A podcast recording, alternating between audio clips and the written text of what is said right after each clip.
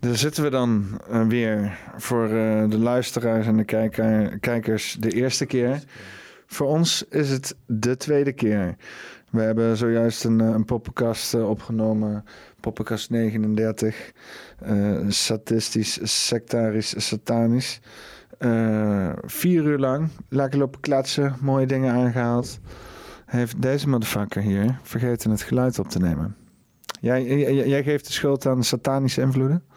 Ja, dat is het werk van Satan. Ja, ja ik, ik, ik zou, eh, het liefst zou ik inderdaad Satan de schuld geven. Maar ik, ik ben bang dat ik gewoon dit volop uh, incompetentie van mijn zijde moet geven. Hey, we doen het gewoon overnieuw. We gaan gewoon nog een keer. Uh, de aflevering staat gewoon klaar. Uh, we begonnen de aflevering met uh, een. een ja, we beginnen de aflevering met een aflevering van Argos. ik ga me eerst even, eerst even, eerst even inleiden trouwens. jongens, poppenkast nummer 9. Kan je liever wat vertellen over het nummer 39? Wat, is, wat betekent nummer 39 voor jou? 39 is een soort van magisch getal wat dus uh, magische krachten heeft, wat je goed en slecht kan gebruiken. Uh, Google zegt wat de betekenis en symboliek van nummer 39. Uh, dit nummer staat synoniem voor positiviteit. Neem nummer 39 als teken dat je ten alle tijde positief moet zijn. Het heeft geen zin om vast te houden aan je pijnlijke verleden, eerdere tegenslagen, teleurstellingen en wrok. Zijn we het daarmee eens? Absoluut. Dat is mooi. Alles positief bekijken. Dus dit is aflevering 39. Poppenkast aflevering 39. Sadistisch, sectarisch satanisme. Subject. The ushering in of the new world order. The present world order, which is today largely disorder, can be so modified and changed that a new world and a new race of men can gradually come into being. Renunciation and the use of sacrificial will. Zo, we beginnen uh, met uh, de documentaire Argos. Dit is inderdaad uh, van de NPO. wat, wat vind je ervan dat het van de NPO is, van de VPRO, NPO Argos? Het geeft wel iets weg. Het is, wat vind je dus verdacht? ja, het is iets van tv. Dus dat, dat, bij, bij voorbaat vertrouw ik dat dan niet. Dus het geeft geen extra credits dat het op VPRO is? Nee. Nou, misschien voor mensen die kijken die heel veel waarde hechten aan de VPRO en de NPO, dan zou ik zeggen, check deze shit eens uit. Uh, dit is uh, van uh, de documentairemaakster Sanne Terlenge.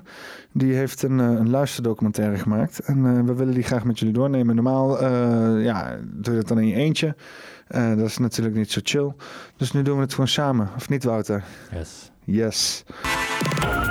NPO Radio 1.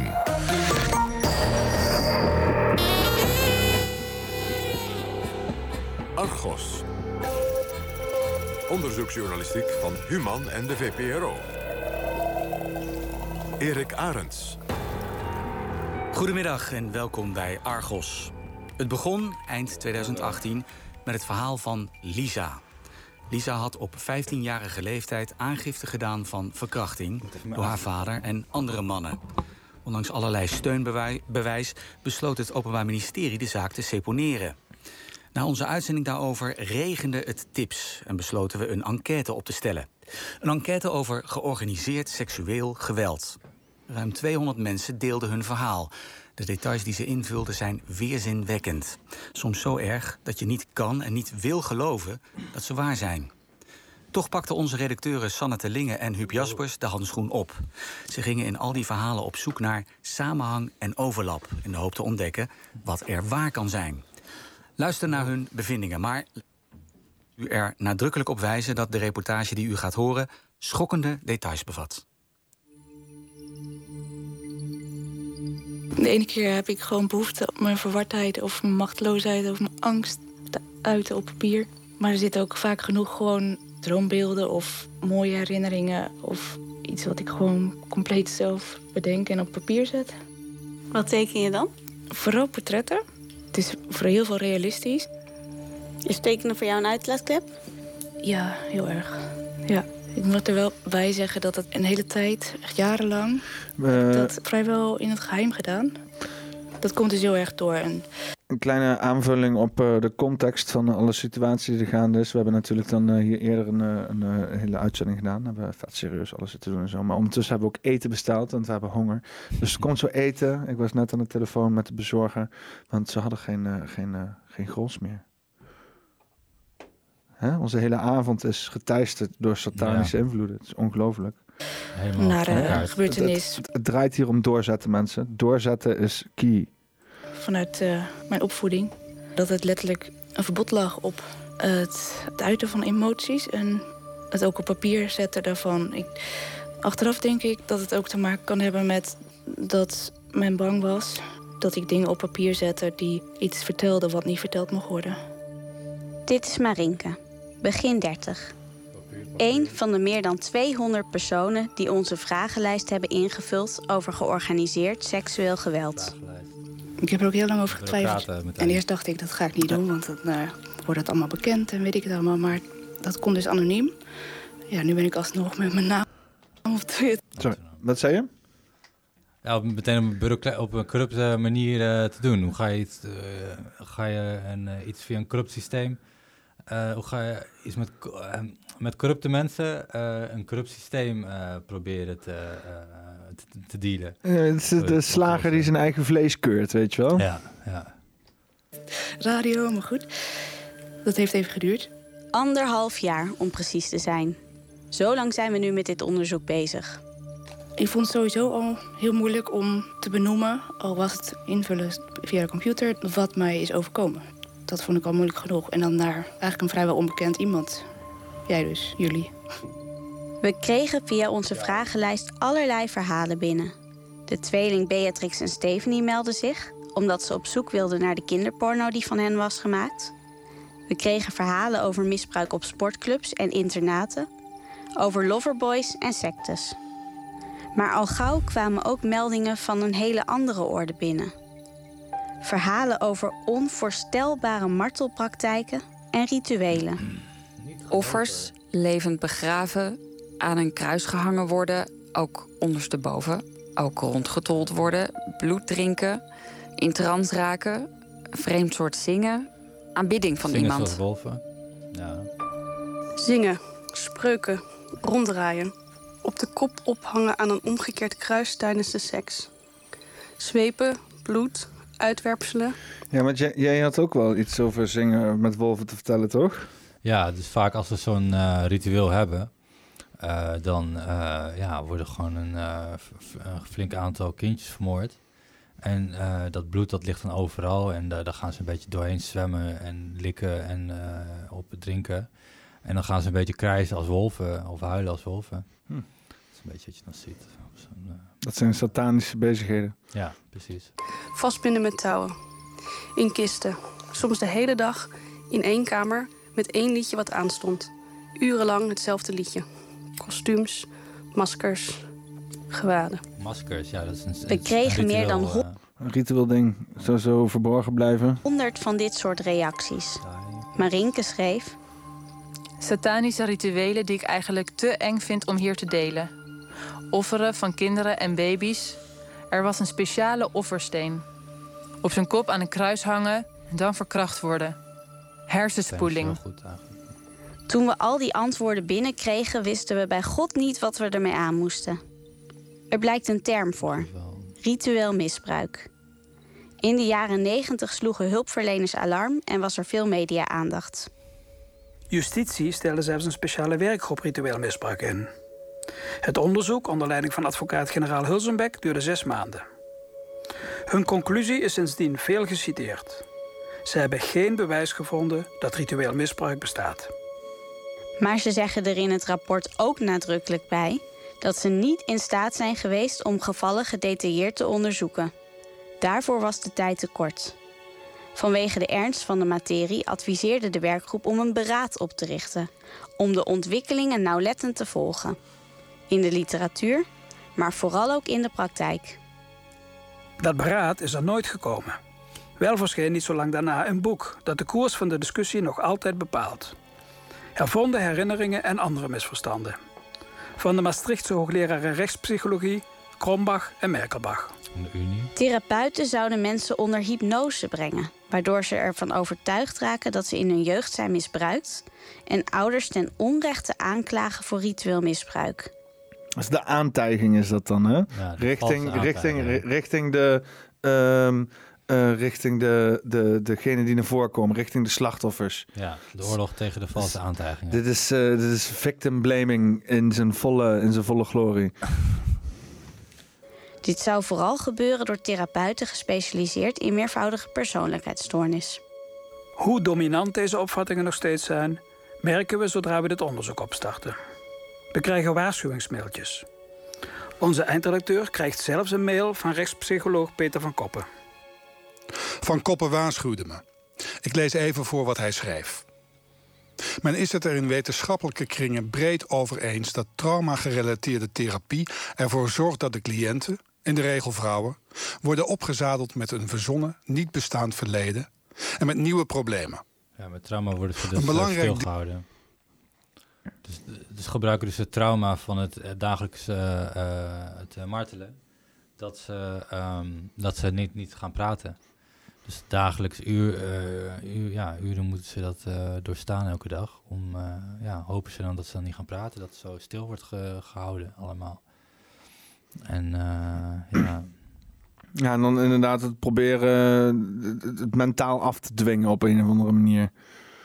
ja, denk ik wel, ja. Deel van die Maar nieuwe problemen wordt gevormd door het slagveld dat in families wordt veroorzaakt. Dat komt doordat het doen van aangifte tegen de vermeende dader onderdeel vormt van veel van die therapieën. Een hernieuwde opkomst van het geloof in verdrongen herinneringen kan op die manier bijzonder schadelijk zijn voor de volksgezondheid. In plaats van het beraad kwam er in 1999 een speciaal team bij de politie.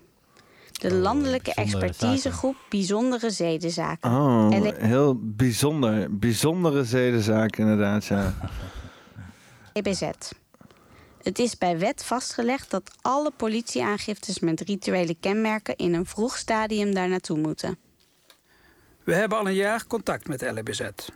We hebben hem verteld dat we meer dan 100 In een, in een, vroeg, sta in, een- in een vroeg stadium is ook denk ik wel key. Hè? Dus gewoon zo van hoe vroeger, hoe beter. Hoe, meer, hoe, hoe minder informatie hierover eh, eh, eh, lekt over zoveel mogelijk instanties, hoe beter. Ze moeten gewoon meteen, zeg maar, in die kleine gecompartmentaliseerde omgeving van dat ene instantiebureau worden gepropt, zeg maar. 100 meldingen van ritueel misbruik hebben gekregen. Eén keer mochten we een kopje koffie komen drinken ter kennismaking. Daarna hadden ze te druk. Ze hebben besloten om ons geen interview te geven. Daarom laten we een stukje horen uit een documentaire... waarin hun coördinator ritueel misbruik definieert. Bizarre vormen van seksueel misbruik, eh, gecombineerd met allerlei macabere aspecten. Zoals bijvoorbeeld het toebrengen van letsel. Dit hangt ook vaak samen met het offeren van eh, dieren, het drinken van bloed, het vermoorden van baby's, het begraven van kinderlijkjes in een bos. Het kan eh, betrekking hebben op wat meer occult. Het is de main thing, eh, de baby's. Dat is eh, gewoon eh, ja, enorm ook nog te verdubbelen. En het is gewoon, je hebt geen idee hoe groot het is. Dat is gewoon de grootste drugsindustrie waarschijnlijk die er is. Baby's? Ja. De grootste drugsindustrie? Ja. Is baby's de grootste drugsindustrie? Ja. Maar dan gaan de mensen hard op, op baby's, bedoel je dan? Of Ja. wat? eh? Gewoon voedsel. Het is een soort van McDonald's, weet je wel. Fastfood, dat weet ik veel. Het is gewoon, eh, ja... De, de baby's to order, zeg maar. Van, eh, ja... Dat, eh, ja. Fucked up shit, G. Sinds eh, we zijn eh een boerderijtje of zo, weet je wel. Eh, Zaken zoals seances, ook in het bos, of mannen met eh, gewaden. Het zijn gewoon woorden die ik gewoon vrijwel niet uit mijn mond krijg. Nee. Mag ik voorlezen wat je daarover in de enquête hebt geschreven? Ja, dat mag. Marienke heeft opgeschreven dat ze met de auto werd meegenomen, als jong kind al. Vaak was ze onder invloed van drugs, zodat ze niet wist waar naartoe. Er waren mannen en vrouwen die soms zwarte en paarse gewaden droegen. Familie, docenten, artsen, advocaten en zelfs mensen uit de regering van Nederland. Al gelooft vast niemand dat, zo schreef ze op. Ja, dat, is, dat is een beetje de kunst, hè? Niemand gelooft toch waar de fuck we mee bezig zijn. Guess, ja. Ze schreef ook dat op allerlei manieren gehoorzaamheid werd afgedwongen. Bijvoorbeeld met de watertest of doop. Steeds met het hoofd onder water geduwd tot je bijna stikt. Bij het omhoog komen steeds dezelfde dingen Ja, toegeschreeuwd. waterboarding dus. Ja. Dus dit is, eh, ja, ze hebben waterboarding en gewoon een torture. Twee, tenminste, Klokkelui die kende twee eh, soorten martelkamers. En ehm, ja, dit is gewoon voor het zwijgen ook weer. Krijgen. Ze doen het vooral in de naam van Satan. Wat voor mij heel lang heel verwarrend was. Omdat ik ook met God en geloof ben opgegroeid. Op de vraag tot wanneer het misbruik duurde, vult ze in 2019. Ik ben nog steeds niet helemaal veilig. Zou Marinke met dit verhaal naar de politie gaan, dan zou haar dossier dus verplicht worden doorgestuurd naar de LEBZ. In de documentaire vertelt de Ja, het coördinator. is heel spannend allemaal dit. Op seksueel gebied eh, gebeuren de vreselijkste zaken. En het gaat niet om geloven daarin. We weten dat er een heleboel nare zaken gebeuren. Alleen als je het hebt over ritueel misbruik... weten we ook dat daar nooit enig bewijs voor is gevonden. Terwijl je dat wel op grond van de uitgebreide aard van de handelingen... en Nooit de omvang enig, van... echt Geen eh, enkel, geen enkel bewijs. Nooit niet. Nooit ooit. Weet je, want eh, ik, ik, wat ik, wat ik, ik- ben. Ik- wij zijn misschien van, van die generatie die zeg maar nog dat, nog dat die gouden punt heeft meegemaakt. Waarbij we zeg maar oud genoeg waren om, om het bewust mee te maken, jong genoeg waren om domme dingen te doen. En eh, we hadden eh, de computers voor onszelf, weet je wel. Onze Ja. ouders zeiden: hier heb je een PC, zoek het lekker uit. Internetverbinding hierop. Ik was fucking wat d- 10, 11, 12. En ik heb de meest gruwelijke plaatjes, gruwelijke filmpjes kunnen downloaden. Dingen gezien waar ik dacht van ik weet niet hoe snel ik dit van mijn PC af moet krijgen. Maar het, ik heb het gezien. Het is Ja. daar, weet je wel. Het feit dat ze zeggen Toch van bestaat het? gemaakt. Ja, het, het bestaat. Ik heb het gezien, weet je wel. enige waar ik nog mijn twijfel over had al die tijd is dat het hier niet in Nederland gebeurde. Dat ik dacht van Nederland is gevrijwaard van al die bizarre onzin. Maar wie had gedacht dat misschien dit wel het hol van de leeuw is, weet je wel? Ja. Je weet het niet. het netwerk zou verwachten. Het doel van de expertisegroep is niet onderzoek doen naar ritueel misbruik. Nee. Op de website van de politie staat dat de LEBZ als voornaamste doel heeft om onjuiste beschuldigingen van seksueel misbruik te herkennen en daarmee onterecht beschuldigden te beschermen tegen vervolging. Ook melden ze dat nog in Nederland, nog elders ter wereld ooit enig bewijs is gevonden voor ritueel misbruik. Nooit. Om een lang verhaal kort te maken, sinds de LBZ bestaat, heeft geen enkele aangifte van ritueel misbruik geleid tot een strafzaak. Enkele. Dus je hebt een fucking instituut die is opgericht om ritueel misbruik te onderzoeken. En vervolgens worden alleen maar de fucking mensen die aangeklaagd worden. of die mensen die beschuldigd worden van ritueel misbruik. worden in bescherming genomen.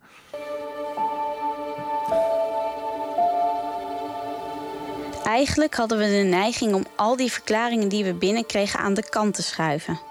Te heftig, te controversieel. Een rare brief. Maar we vroegen ons ook af: Een rare brief. Dat is apart. Huh? Dus eh, vreemde, vreemde dingen die we hier ondervinden. Ja. hoe Vreemde kunnen het er zoveel zijn als dit niet bestaat? Volgens Hebben alle invullers soms dezelfde Ja, maar therapeut? zo, zo vreemd dat we nu denken van, weet je, misschien moeten we het gewoon niet aangaan. Hè? Ja. Zij zegt nu gewoon, ik twijfel of ik dit überhaupt moet aangaan vanwege omdat het zo fucking vreemd is. Wat? Of dezelfde praatgroep? Dat is niet het geval. We hebben een analyse gemaakt van 140 vragenlijsten met rituele kenmerken. Zo kwamen we erachter dat nog meer aannames ehm, over ritueel misbruik niet kloppen. Het ding Area 51 is eh, 141 levels diep. En het gaat om adrenochroomproduktie. Toch wel grappig dat ze 140 vragenlijsten Er is bijvoorbeeld ook geen sprake van hypnose. En meer dan 40 mensen vertellen over misbruik dat de afgelopen 10 jaar plaatsvond. Er zitten ook mensen tussen die vertellen over een netwerk waar ze nu nog in zouden zitten. Dat zijn nog niet bepaald hervonden herinneringen uit het ver verleden. Ook de aanname dat ze allemaal politieaangifte doen, klopt niet. Maar een handvol zegt dat te hebben gedaan. En dan vaak tegen één of twee personen, niet tegen een heel netwerk. Eén aanname klopt wel. Meer dan driekwart van de invullers netwerken. is gediagnosticeerd met DIS. Ja, wat, eh, twee netwerken. Ja, want je hebt dus de Zionistische communisten en de communistische Zionisten of zo. Of de nationale communisten en de socialistische Zionisten of zo. Ja, het is... I don't know. Twee, het zijn twee uh, machthebbers. Het is, want, want de Zionisten is dan, dan, dan zeg maar een, een, een soortje uh, uh, Joodse mensen die dan bij elkaar zijn gekomen en zeggen van, joh, we willen werelddominantie. Nou ja, en, en, en, je hebt, als, en, en, je hebt dan de nationaal socialisme die toen de tijd ja. zijn samengekomen en vrij overduidelijk werelddominantie wouden. Ja, maar maar jij zegt van, dat, dat, dat die strijd leeft nog steeds, zeg maar. Ja, absoluut. Ze zijn niet, uh, zijn niet bevrijd of zo. Zijn het dan ook de mensen die... Deden de nazi's ook satanische dingen? Uh, nou, uh, bijvoorbeeld holocaust betekent bloedoffering. Dus dat, is wel, dat zijn toch wel grote satanische feestdagen, zeg maar. Noemde de, noemde de, de nazi's zelf ook de holocaust de holocaust? dat weet ik niet, nee. Ja, dat is een hele goede vraag inderdaad, want dat weet je niet hoe het je geleerd wordt. Heel veel mensen stellen daar een vraagtekens bij die wel weten hoe het uh, zou moeten. Hmm. Dus. Creatieve identiteitsstoornis. Wat vroeger een meervoudige persoonlijkheidsstoornis werd genoemd. Dat geldt ook voor Marinke. Wat ik van merk is dat ik stukken tijd kwijt ben. Aan dingen geen herinneringen heb. Stel, er ligt tekenwerk waarvan ik gewoon zeker weet, ik heb niet getekend. En dat ligt er allemaal met een tekening die af is of half af is. Ik weet wel dat ik op een gegeven moment geconfronteerd werd met diagnose DIS. En dat ik er toen nog zeker een jaar heel hard tegenaan heb geschopt. Ik wil het gewoon niet. model, diagnose DIS. Ja, want zij kreeg dus een of andere fucking diagnose toegewijd. Ja. Zij kwam dus inderdaad naar voren met haar... Uh, uh, met haar, met haar uh, hoe noem je dat nou? Hoe noem je dat nou? Dat je naar voren komt met een... ja, maar ik was ook zeggen betoog inderdaad, maar... ja. Erkentenis, bekentenis, bekentenis. Ze kwam naar voren met haar bekentenis. En uh, uh, uh, binnen die gecontroleerde organisatie, en die gecontroleerde organisatie zegt: Nope, mentale stoornis. Yes. Oh, money man. Of, of weg te zetten. Als ik kijk naar de cliënten die ik behandel en ook de literatuur die daarover bekend nee, is, is het een gevolg van ernstig trauma in de vroege kindertijd. Christel Kraai is klinisch psycholoog bij GGZ Centraal. Huh? Ga je verkrachten omdat je een mentale stoornis hebt, weet je wel. Er zijn ook verhalen van uh, dat dus als meisjes uh, hun eten niet uh, opaten bij jeugdzorg, weet je wel. Dan moesten ze naakt vastgebonden in de tuin als straf, weet je wel. Maar wat voor zieke mind uh, verzint dat gek? Dat is alleen ja, als, zieke mind zelf. Als mensen eenmaal gelabeld zijn, weet je wel, waarbij ze niet meer in staat zijn om serieus genomen worden voor de, te worden voor de rechtsstaat, dan zijn ja. ze kwetsbaar als shit voor dit soort dingen. Ja. Het is een vreselijk, uh, vreselijke positie om in terecht te komen. Ze is een van de experts die ons heeft geholpen bij het opstellen van onze vragenlijst. Al meer dan tien jaar ziet ze cliënten met DIS. Zo'n 15 daarvan vertellen over ritueel misbruik. Ik behandel mensen die echt helemaal uit het netwerk zijn. Ik behandel mensen die nog steeds onder druk staan van het netwerk, maar wel echt veilig kunnen blijven. Uh, dus die wel mailtjes of sms'en krijgen, maar daar niet meer op ingaan. En ik behandel ook mensen die echt nog door het netwerk benaderd worden en misbruikt en mishandeld worden. De gruwelijkheden die ze vertellen vertonen opmerkelijke overeenkomsten. De feestdagen zijn natuurlijk een soort van overeenkomst. Of dan basis of Pinkster of Kerst. Of ja, zijn de feestdagen, is dat een, een dingetje? Ja, alle feestdagen dus uh, zijn uh, data, jaardata, uh, feestdagen. Waar dus enorm veel voorbereid wordt om zoveel mogelijk kinderen te offeren. Soms zoveel mogelijk energie de lucht in te, te stouwen. En dus zo'n Satan, uh, ja, dat is een feestdag voor Satan of zo, weet je wel. Maar, maar feestdagen zijn toch ook een, een, een paganistisch, een heden, zeg maar, feest. Uh, als je vergelijkt kerst en zo met, ja. met bepaalde overeenkomsten in, in, in, in, allerlei Noorse tradities en zo. Mm -hmm. Ja, ja een beetje vandaan of zo, het verhaal. En, ja, het is, um, ja het is gewoon allemaal een beetje een soort van zo vervormd dat het tot één frikandel, die dingen samen. Maar het is... Ja, het is echt een soort van mashup, mashup van culturen. Maar je ziet ook heel mooi in, in, propaganda of zo daarvoor, ik weet niet precies. Man. Ah, je ziet in Zeitgeist, weet je wel, die, die legt het mooi op een rijtje waarbij hij zegt van oké, eh, eh, Zeitgeist is een film dan zeg maar 2008 of 2007. En, eh, en, en die- die legt al die religie, religieën door tijd heen ook, maar ook de religieën waar we nu achter staan. Eh, eh, die, die constant opnieuw tradities herhalen en herhalen, ook op dezelfde tijdstappen. En bijvoorbeeld de 25e van december is gewoon een cruciaal punt, waarbij op een gegeven moment gewoon de donkerste dagen eindigden en de li- lichte dagen weer beginnen, weet je wel. Dus Ja. het is de dood van het donker en het opstaan van het licht, weet je wel. Het is, het is, het is voor, voor het, het kweken van gewassen, voor landbouw, weet je wel. Omdat zeg maar die kennis... Ja, de zon aanbidden. Nou ja, maar ook, ook gewoon die kennis van landbouw en zo, om die over te dragen over cul- cultuur en cultuur. En dat is nu helemaal samengemashed Ja. in allerlei gekke shit met kerst. En je kan in zekere zin zeggen dat het over is genomen door satanische invloeden. Helemaal met dat het commercialisme Ja. draait alleen nog maar om spullen. En dat het met muziek is en met engelen. Dus bijvoorbeeld, eh, het gaat altijd over engelen. Maar ehm, ja, dat, dat, en, het, en het echt waren ze niet aan het zingen, weet je wel. En, en muziek is eigenlijk ook een soort van eh, propaganda-tool geweest. Omdat ze in de kerk, ja, we hadden toch invloeden. En Nee, maar muziek, muziek is altijd een manier geweest om dingen te communiceren, toch? Ja, ja, maar het is dus wel een soort van ja, hypnoseachtig ook weer, weet je wel. Of hemelvaart, maar ook allerlei dagen die niet zo vanuit het christendom zijn, maar meer eh, dingen als volle maan, seizoenswisselingen. Dat dat de dagen zijn waarop de meest nare dingen plaatsvonden. Het is ook iets wat in onze vragenlijsten terugkomt. Er waren gezangen en vaak veel kaarsen. Er was soms een altaar waarop iemand werd vastgebonden. Aan elke punt van de tafel was dan een kaars. Er werden vaak christelijke feestdagen nagespeeld, maar dan om ermee te spotten. Kruisigingen rondje. bijvoorbeeld. Er was een soort reinigingsritueel. Elke keer als ik naar huis mocht, dan werden er glasscherven in mijn vagina ingebracht. Er werden vruchtbaarheidsrituelen uitgevoerd. Porno dit. Ja, want die, die, die, die glasscherven, daar draait het een beetje om. En dat is zeg maar het meest bizarre van deze hele fucking documentaire. Ja. Het is, het is, iets, het is niet iets wat je zeg maar, ja, nou ja, eh, vertaalt aan, eh, aan iedereen, zeg maar. Nee, inderdaad. Ja. Meisjes moesten zwanger worden. Er werden offers gebracht. En er is nog iets dat slachtoffers van ritueel misbruik gemeen hebben. Ik noem dat mind control. Mensen met een achtergrond van ritueel misbruik... die hebben veel meer hersenspoelingen, zou je kunnen zeggen. Ze noemen dat zelfs soms ook programma's die aan kunnen gaan... en die heel typisch gedrag laten zien... die eigenlijk bij mensen met dit zonder die achtergrond eigenlijk niet zo zichtbaar is. Wat er over verteld wordt, is dat er sprake is van een soort training. Meer een soort conditioneren dat als A gezegd wordt, dat B gedaan moet worden. Onze invullers vertellen over trainingen door middel van Ja, want eh, hier, hier, hebben, hier hebben we dat stukje inderdaad.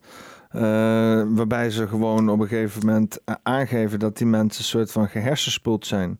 Hè? Dus je hebt op een gegeven moment. Ja, je hebt, je, hebt, je hebt mensen die inderdaad gewoon geforceerd worden in een trauma. Hè? Al vanaf kinds af aan. En dan vervolgens proberen eh, zij hun verhaal in onze realiteit te krijgen. En onze realiteit zegt: nee, dat correspondeert niet. Weet je wel, dat, dat soort dingen gebeuren allemaal niet. En hier heb je dus een heel handjevol mensen die een verhaal hebben, die iets meegemaakt hebben, waarbij echt letterlijk niemand ze gewoon gelooft. Ja, dat is heel apart. Ja, het, het is, het is, het is een soort van. eh, eh, eh, je kan de klok erop gelijk zetten, weet je wel. Als je mensen op een bepaalde manier een hoek induwt, dat je ze dan kan vormen.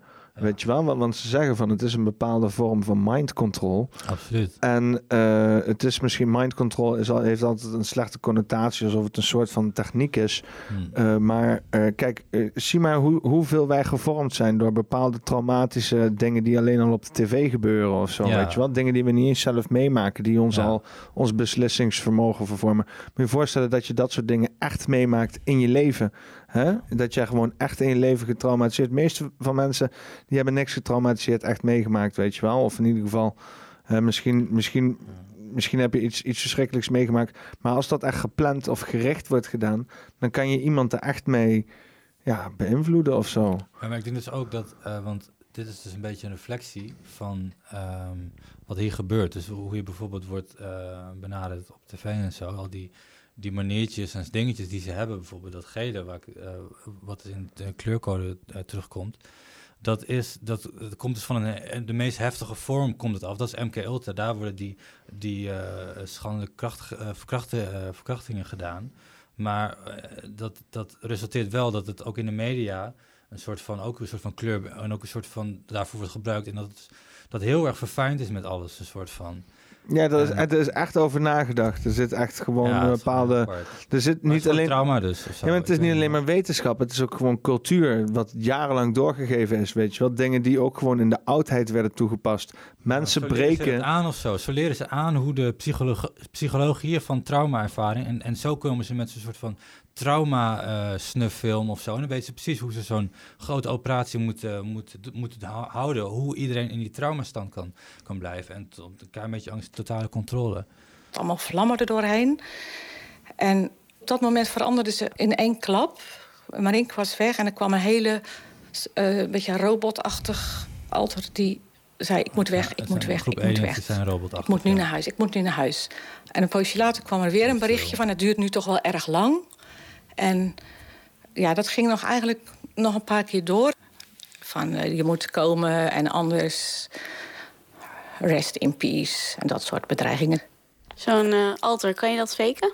Ja, ik denk als je een hele goede acteur bent, kun je dat best faken. Maar om dat jaar in jaar uit vol te houden en om heftige herbelevingen en heftige nachtmerries midden in de nacht te gaan zitten faken, lijkt me toch wat vergaand. En dat vijf jaar lang. Het is lang niet het enige dat ze met Marinke hebben meegemaakt. Beetje slecht bewijs. Er is beter bewijs, maar dat komt later nog. In deze documentaire? In deze documentaire, ja. Als Marinke zo'n telefoontje had gekregen... of als het een speciale feestdag was, dan verdween ze. Ze is dan gewoon echt kwijt. En niemand weet waar ze is. En op een gegeven moment is ze weer terug in een deplorabele toestand. Heeft u ook wel eens verwondingen bij haar gezien? Ik ben wel een paar keer met haar naar een huisarts geweest... omdat ze van onder nou? bloedde. Hm? Nou? Heel erg. En was dat dan nadat ze was kwijt geweest? Ja, dat was daarna. En er is één keer dat er van onder een zakmes eh, bij haar ingedaan. Ik heb gezien dat ze die eruit haalde. Soms komen de oproepjes ook per brief. In die brief staan dan nou, meestal heel verhalen in. Vaak in Latijn, in Engels. Of, en er staan codes in. Ik heb natuurlijk best... Huh? Wat een vreemde brief. Een vreemde brief zal vast niks betekenen. Wel eens gedacht van, ja, maar is dat... Het zal vast wel gewoon iemand zijn die ook niet helemaal goed wijs is. Terwijl we hier met iemand dealen die ook niet goed wijs is. Iedereen is gewoon niet goed wijs. Tekentjes. Het ligt vast niet aan mij. Echt zo. En bestaat dat echt? Want die brieven, daar staan namelijk heel veel verwijzingen in naar rituelen en naar satanisme. En ik heb me natuurlijk wel eens afgevraagd, ja, maar maakt ze die zelf niet? iets kunnen zijn. Dat verandert als Marinke zelfs een brief ontvangt als ze bij zorginstelling Emergus verblijft. Op de gesloten afdeling. Alles wat zij in Emergis had, dat had ik persoonlijk daar gebracht. Ze zat daar op een kamertje en ze had geen toegang tot computers, printers en weet ik wat. Dus dit heeft zij niet zelf kunnen Oh, doen. en nu wordt ze gecriminaliseerd. Kijk, let op, wat ze, ze, is, uh, ze is slecht. Met- Omdat zij, uh, omdat Wat zij heeft ze- bepaalde wat heeft dingen... zij fout gedaan? Wat heeft zij fout gedaan nou dan? Zij gaat nu ontsnappen, want zij is een bad girl of zo. Krijgen ze een telefoontje van de instelling. Ze zijn Marinke kwijt. Het is echt een raadsel hoe ze daaruit die gesloten afdeling heeft kunnen komen. Want er zit een heel hoog hek. Er stond geen opstapje voor dat hek of zo. nee, want de hek was bedoeld om mensen binnen te houden. Er Nou, stond geen- als je ergens niet wil zijn, dan zijn U luistert naar Argos, het onderzoeksprogramma van de VPRO en Human op NPO Radio 1. Het afgelopen jaar ontvingen wij meer dan 140 verhalen over ritueel misbruik. Een van de meiden die haar verhaal deelde is Marinke. Haar schoonouders hebben een enorm dossier bijgehouden. Daar zitten ook foto's in van het raam waardoor Marinke uit de gesloten afdeling is ontsnapt. Het is opengebroken, van buitenaf. Daarnaast zitten er foto's in van een doorgezaagde Ze is ontsnapt uit een raam dat opengebroken is van buitenaf. remkabel van een auto, foto's van verwondingen die Marinke heeft opgelopen en een brief van Marinkes familie. Dat is een eh, brief die gericht is aan Marinke, maar die naar ons gestuurd werd. Aangetekend en wel. Ze vonden het heel belangrijk dat we die kregen, blijkbaar. Waarin eigenlijk een heel langdradig, gedetailleerd verslag gedaan wordt van een heel stuk van Marinkes leven. Dus een beetje een rare brief eigenlijk. Wat voor beeld schetsen ze daarin beetje van raar. Beetje, een beetje vreemd. Ja. Vreemde brief. Het eh, misschien, eh, weet je wel, er staan allemaal satanische teksten, teksten en, en sectarische Ja. verwijzingen, maar een beetje vreemd. Geen idee, man. Dat zij eh, met inconsistente, vage misbruikverhalen komt... die ze vervolgens weer terugneemt. Dat ze psychiatrisch patiënt is en dat haar verhalen niet blijken te kloppen. En ze zeggen ook verschillende keren dat zij, als zij het terugneemt... dat ze dan weer in de familie opgenomen mag worden. Dat vond ik echt een hele dat, rare eh, zin. dat, dit- dat Nou eh, ja. klokluiders serieus worden genomen in deze. Ja, Ja. ja. inderdaad. Mensen komen met een verhaal, worden gelabeld als eh, psychiatrische patiënt. En worden vervolgens vreemd aangekeken als ze vreemde post krijgen over op de familie opgenomen worden en dergelijke. Ja, naar je eigen kind, sorry. En heeft u na die brief aan Marinke getwijfeld? Nou, het was eerder meer een bevestiging. Hebben jullie wel eens overwogen om met dat dossier naar de politie te gaan? Toen, toen dacht zij... Dus ze heeft heel weinig zin. Toen, Nu breekt mijn klomp. nu, weet je wel, na al die verhalen en al die dingen, wij dachten van deze vrouw is helemaal niet goed wijs, kregen we een brief en toen, Wij kunnen niet veel.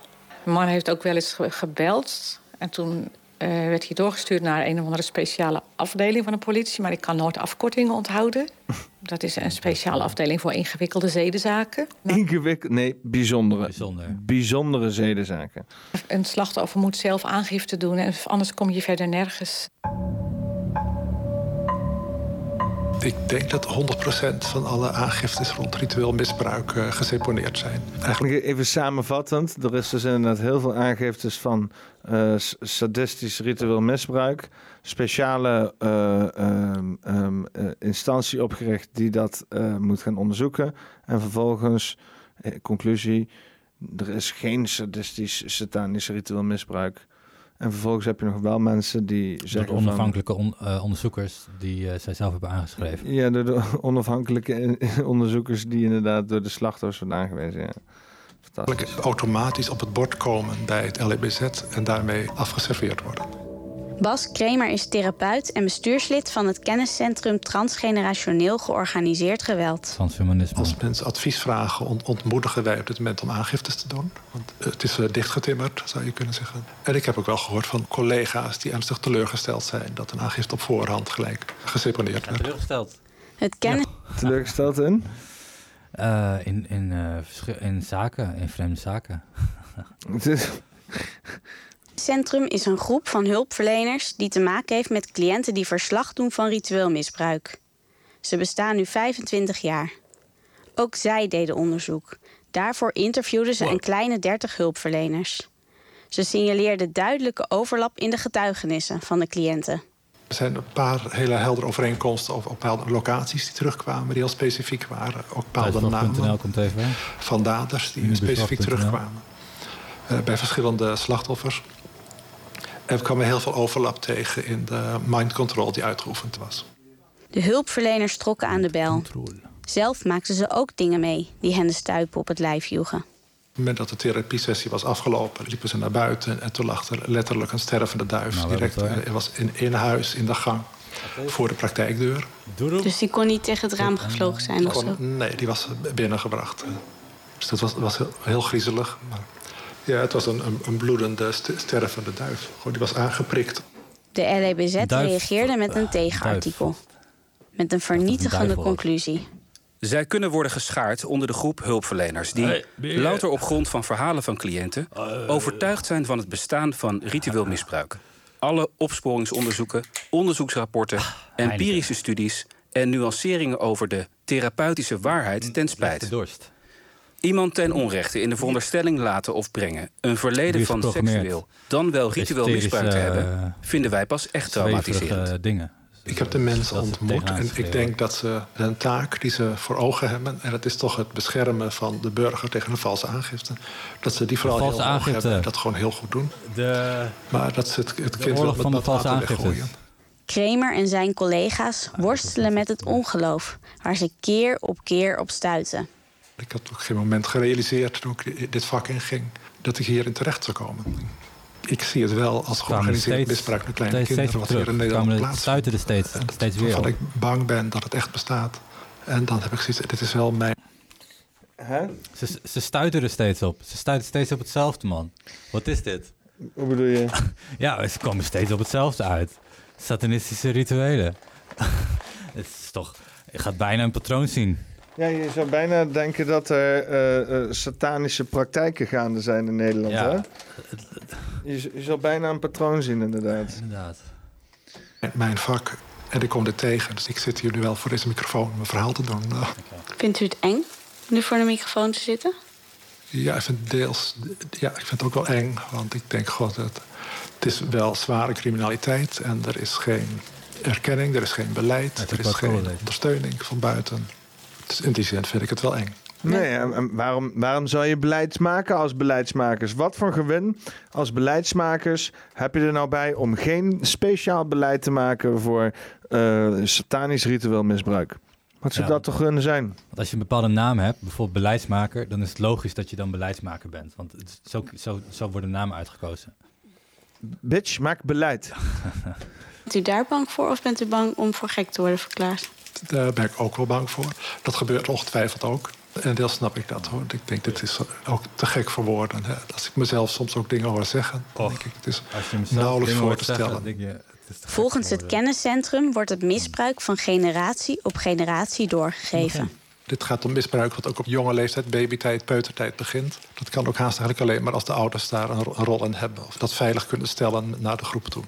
Kinderen worden, ik durf het bijna niet te zeggen, maar gedresseerd, denk ik. Zo, zo goed mogelijk te kunnen functioneren binnen het eh, misbruik. Dat betekent dat ook kinderen van nul jaar misbruik kunnen ondergaan. eh, blijven Komt die, lachen eh, terwijl ze van, eh, worden. BBC, die komt ze dan te procuren. Dat ze dan eh, klaargestoomd worden om eh, te misgebruikt te worden. Ja. Precure, hè? Ja. ja, wat de fuck het is, ik weet het niet, maar het is iets, het heet zo, wat de fuck man. Een soort van, ehm, soort van inderdaad inwijden of zo. eh. Ja, gast. Och. Nou, eet smakelijk. Stil blijven en nooit iets zullen zeggen. Dat ze voor de buitenstaanders veilig misbruikt kunnen worden. De praktijk is lang niet zo mysterieus als de term ritueel misbruik doet vermoeden. Slachtoffers zelf metselaars. noemen het ook niet ritueel misbruik. Nee. Ze hebben het over hen of het netwerk. Ja. Of ik meer saus heb? Nee, dat zijn de vrijmetselaars. Oh, sorry man. Ik, ik, ik dacht dat je zei meer saus. Nee, bij mij betekenen dingen vaak vrijmetselaars dan eh, saus. meer kans dat je het hebt over vrijmetselaars dan saus. Voor de mensen juist, want de sausen zijn de Unilevers, hè? Voor de mensen die luisteren, ehm, we zitten te vreten inmiddels. Eh, voor de mensen die denken dat het ongepast is, fuck jullie. We hebben hiervoor ook vier uur lang gepodcast, helemaal kuis. Alleen dat is hem niet geworden vanwege satanische invloeden. Dus eh, dit, is, dit is gewoon het beste wat jullie krijgen, man. Eh vretende podcasters, terwijl we naar vreselijke dingen zitten luisteren. Ze doen ook aan drugshandel en wapenhandel. Eerst met een busje naar de eh, haven om een tas cocaïne op te halen. Kentekenwissel. Korte stop bij een vakantiepark of een parkeerstrook om een tas te ruilen voor twee tienermeisjes. Nog een kentekenwissel en dan met de meisjes naar de feestlocatie, waar ze in een kooi of een caravan wachten tot het evenement begint. Op Soms andere dagen zijn er kleine privéfeestjes bij iemand thuis. Een loopjongen vertelt hoe hij jonge vrouwen naar parkeerplaatsen op de Veluwe bracht. Waar ze moesten werken. voor de. Mm, Te Veluwe, hè? Veluwe is ook een eh, place to be, toch? Of niet? Ja, ja. Veluwe zit vol met tunnels. Alle kastelen hebben van vroeger ook al tunnels. Waar gaan die fucking tunnels heen? normaal. En die gaan naar de city. Welke city? City, eh waar, niet uit waar, waar overal, alles, alles, alles. Elke, elke straat, alles, alles. Dus het is gewoon, zo, zo zijn dingen gebouwd. Zo is de constructie van dingen en gewoon zo zit het. Met tunnels. En dat is dus ook in de, op de Veluwe het geval. Op deze, Tunnels die wij niet zien. Betreffende kastelen, ja. Ja, ook Ja, sociale niet tunnels. niet eh, als surface people zie je het beter niet. Nee. Grab people. Andere meiden moesten hetzelfde doen in grote hotels of seksclubs. Sommige slachtoffers hebben het over de secte of de cult. Vooral ook om aan te geven hoezeer ze zijn gehersenspoeld. En hoe moeilijk het is om ervan los te komen. Het grootste kenmerk van cult is wel dat ze mensen isoleren. Dan, als volwassen is dat heel lastig vaak om je los te maken. Maar hier hebben we het over netwerken waar je in, geboren wordt. Dus, wat altijd je hele wereld geweest is. On- onderdeel van de tactiek om mensen binnen te houden, is ook om ze medeplichtig te maken. Dus dat ze zelf ook gedwongen worden om andere kinderen te bezeren of te misbruiken. En daar met de boodschap erbij. Ze dreigen dus om één kind te vermoorden. En daarmee uh, krijgen ze die kinderen tot zover dat, um, uh, dat ze dus alles doen. Dus daarom wordt vaak één meisje vermoord op zo'n avond. Op zo'n boot en zo. Um, ja, ik heb zo, geef mij ook een doekje. Ik heb zo ook saus in mijn snor als een motherfucker. Ja, dat goed man. Nee, maar dat, dat Goed, is... Dat, hoort het. Dat is het, dat is het ding toch? Ik bedoel, uh, uh, uiteindelijk als jij, als jij zelf ook medeplichtig bent aan het ding. Ik kan me nog wel herinneren, vroeger toen ik klein was. En dan, uh, en dan werd ik in de struiks meegenomen. Dit begint heel slecht. En dan gingen we roken omdat ik me medeplichtig maak in de situatie, durfde ik nooit te zeggen over die gozer of die, die, die dame inderdaad, die, die, die, die, mij die, die struikjes in mee duwde, weet je wel, en wie daarmee betrokken was. Hm. Want ik had zelf zoiets van, ja, ik doe dit zelf, weet je wel. Dus dan vertel je het niet. Je bent, je bent medeplichtig. Hè? zodra je in zo'n organisatie bent, als je op een of andere manier geassocieerd bent met die mensen, kunnen mensen altijd zeggen van, ja, maar ja, Hè? jij associeert je er ook mee, dus dan ben je zelf ook zo kwaadaardig. Dus dat weerhoudt je ervan om dan inderdaad ook echt clean te komen, zeg maar. Ja, gaat deze mensen, uh, kun je eventueel ridiculiseren daarom. Maar ja, het, het, ga je iemand uh, benadelen omdat hij uit de satanistenfamilie uh, komt, omdat ze is verkracht? Weet je wel. Je moet met mensen dus in zo'n geval, als mensen met zo'n verhaal komen, dus een stukje vergevenis tonen, weet je wel. Van dat je, zie je wel, je wilt dit zelf ook. Je bent zelf net zo slecht. En als mensen dit zien en wij hebben hier beelden van, dan ga je gewoon de gevangenis in. Het moet benoemd worden vinden de 140 deelnemers van aan ons onderzoek. die er bestaat natuurlijk, gevangenis. Hm? School is gevangenis. Alles gevangenis, gevangenis. is gewoon een slaven. Vak simpel gek. Wie gaat weer de vak bedoelen? Flikker op, man. Maar ik bedoel, heb je dan over die mensen die satanisch zijn of de slachtoffers? Ja, het is de bezemwagen, hè. Dus uh, van het, uh, de, de, de schaduw, zoals jij dat zei. Uh, ja, ruimen ze de, de boel op en komen ze dat uh, ophalen. Voor die money, voor die uh, tunnelvereniging. voor die Mianis. Ja, jij visualiseerde dat mooi zoals zeg maar, een, een, je hebt een grote groep met mensen. En de mensen die, die dus inderdaad achteraan lopen, die, um, die, die inderdaad te traag zijn. Wat inderdaad helemaal geen probleem zou moeten zijn. Ja. Die worden opgesweept door de bezemwagen, zeg maar, ja, die er achteraan loopt. ja. Ja, inderdaad. En die bezemwagen die verpatsen voor, voor, voor Big Mianis om ze dan vervolgens aan de mensen die vooraan lopen gaat naar vooraan te houden. Pentagram, daar gaat het heen. Alsjeblieft, weet je dat. Vier op de vijf deelnemers werd gedwongen om andere kinderen pijn te doen. Hier zitten de grootste trauma's. Het is onmogelijk om er de goede woorden voor te vinden. Dat is net zo bij de zwangerschappen. 78% geeft aan zwanger te zijn geraakt als gevolg van het misbruik. Meestal zelfs meer dan één keer. Ze werden soms gemarteld totdat ze de baby verloren, als, uh, om, zegt. Omgedraaid ziet. Nou, als je duivel bent, dan heb je een andere kijk op de wereld. Een beetje duivelse kijk. En als je dus kleuren negatief ziet, in het omgedraaid, dan is dit uh, gewoon ten, interesse van uh, hoe, hoe, de beeldvorming is in het omgedraaid. Het sterretje dus lichtblauw en het groen is roze. En als die Heineken in zwarte letters, nou ja, dan ga je wat duizenden kijken. Maar gewoon, te, gewoon ter informatie geven als je dat wil proberen voor het idee. Laat op de ster van Dat het anders kan zijn. Ja. We, we, zitten hier uh, Illuminati bier te drinken. Gezellig. Metselaar bier, 33. Illimu bier. Maar ze vertellen ons ook over nobodies. Kinderen die in het netwerk worden geboren en gehouden... en die nooit worden geregistreerd. Sommigen worden van hot naar her verplaatst. Anderen wonen bij gezinnen die in het netwerk actief zijn. De We moeders mogen kinderen uit... achter de, de kunsthandel. Waar? Worden ze de hele tijd overheen en weer verplaatst in kooien. In zeecontainers in de kunsthandel? Ja, absoluut. Dus de dat doe je ook. Met, de... um, Evergreen heet, uh, heet dat. Is dat een bedrijf? Dat is een bedrijf, ja. Zie je vaak de containers. Bijna allemaal corrupt. Disclaimer, dit is satire. alleen zien als ze goed genoeg seks hebben. Als ze blijven terugkomen. Met die niemandskinderen gebeuren de ergste dingen. Ook dit horen ze allemaal terug bij het kennen. Ja, want het zijn dus ook inderdaad die, die, die kinderen van, uh, of, of, of uh, want het je ook goed van vluchtelingen, maar ook wezen en zo. Mensen die gewoon, ja. En helemaal inderdaad, als je dus inderdaad allerlei mensen hebt die zwanger raken, die vervolgens niet een baby registreren, maar waarvan gynaecologen, gynaecologen wel zeggen dat die mensen bevallen zijn, dan heb je ook een hele reeks aan ongeregistreerde baby's waar je van alles en nog wat mee kan doen. Ja, dus 0,3% van de, van de aarde wordt uh, uh, gekidnapt of gesnatcht. En uh, ja, daarvan kan de koningin dus blijkbaar dus ook zelf baby's genereren met, via embryo's. Via, eigen bloed, via hun eigen bloed, dat willen ze het liefst. Heel belangrijk om de bloedlijn te houden. En daarom is het waarschijnlijk het dubbele, dus 0,6% is waarschijnlijk uh, deel is dus het aantal van dat constant elke dag wordt getortured voor deze massieve industrie um, uh, machine um, systeem. Um, ja. Het centrum, zegt bestuurslid Bas Kremer. We vragen of hij ook hoort dat hooggeplaatsten betrokken zijn bij het misbruik of bij het afdekken daarvan.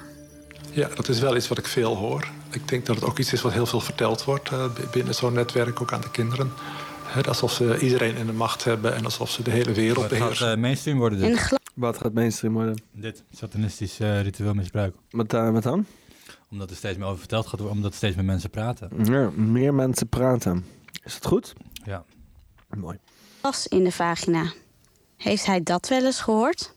een aantal keren gehoord. En ik heb het ook zelf bij een cliënt van mij een keer meegemaakt. In de fase die eigenlijk heel heftig was. dat ze probeerden los te maken van het netwerk.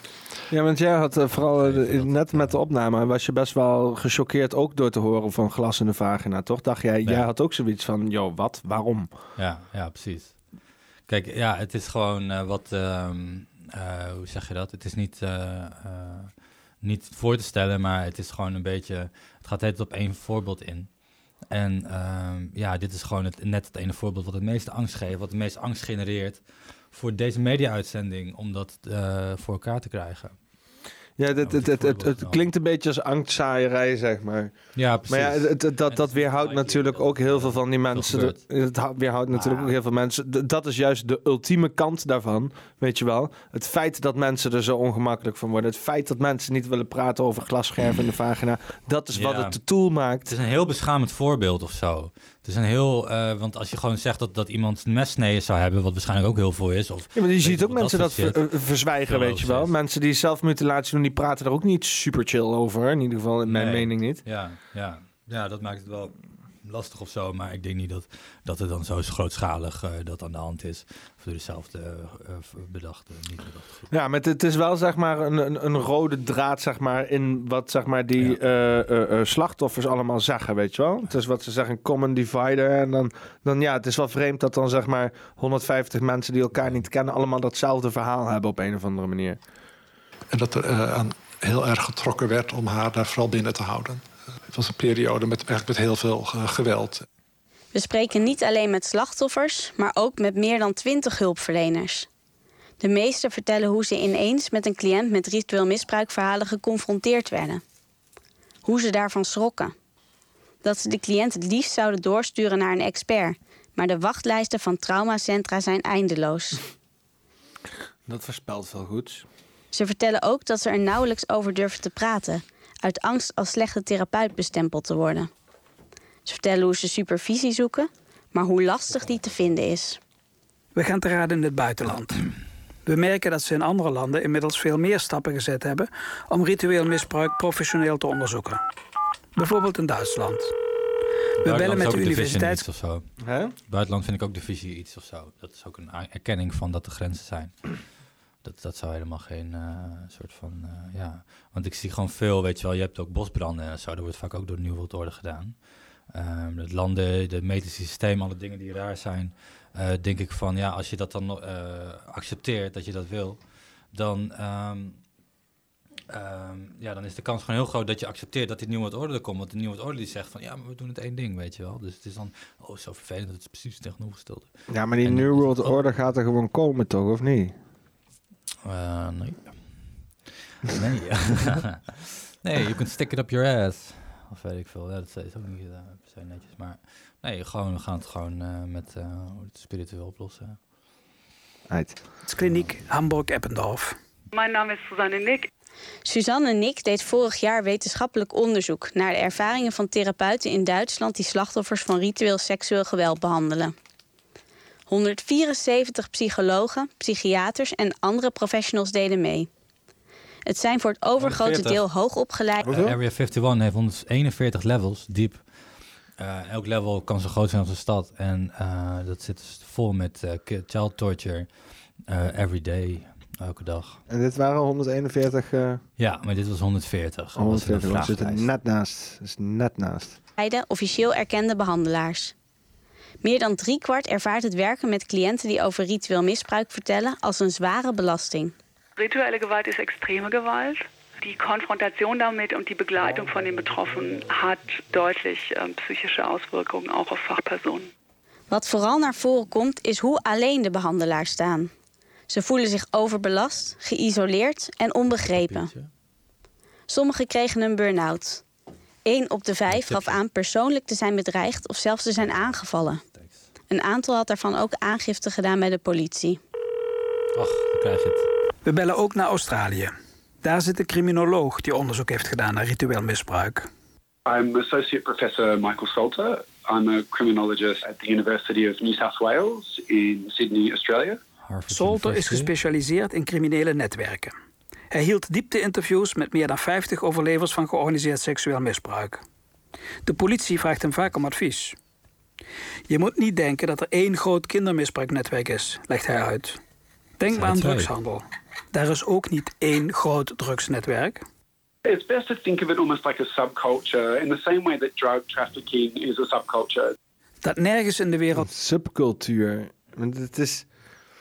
Ja, oké, nou, oké. Ik, ik, ik, ik ben best wel voor het feit om niet, zeg maar, in, in, in, in, in zeg maar, te veel eh, eh, bepaalde bezigheden te vermythiseren, zeg maar. Hè? Dus dat het. eh, dat je zeg maar, net zoals vroeger de mensen deden, om dan om weer in een bepaalde personificatie te krijgen. Zodat we dat nu dan ook doen. Weet je, op bepaalde gigantische eh, bezigheden die op globaal niveau bezig zijn. Waar we schijnbaar wel allemaal als mensen ons vuil maken. In ieder geval op bepaalde vlakken. Om dat dan allemaal te zien. verhaaltje. Ja, maar, ja maar, maar om dat te zien als zeg maar één. Ja, jij zegt het zijn er twee, hè? Ja. Zijn dit de socialisten, nationalisten, eh, communisten of de nationalisten, communisten? eh, Socialisten. nazi's, eh, nou, Wat bewijs is gevonden van ritueel misbruik is aperte onzin, zegt Salter.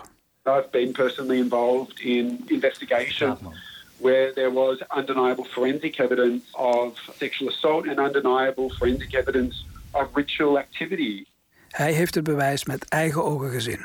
I've seen crime scenes where animal blood has been splashed around the walls, where offenders have drawn Grote ronde cirkels met een pentagram erin, een kaarsje eromheen. strange occult symbols on the walls. Occulte symbolen en bloed op Oh, vreemd. Wat zou hier zijn gebeurd? muren. Ah.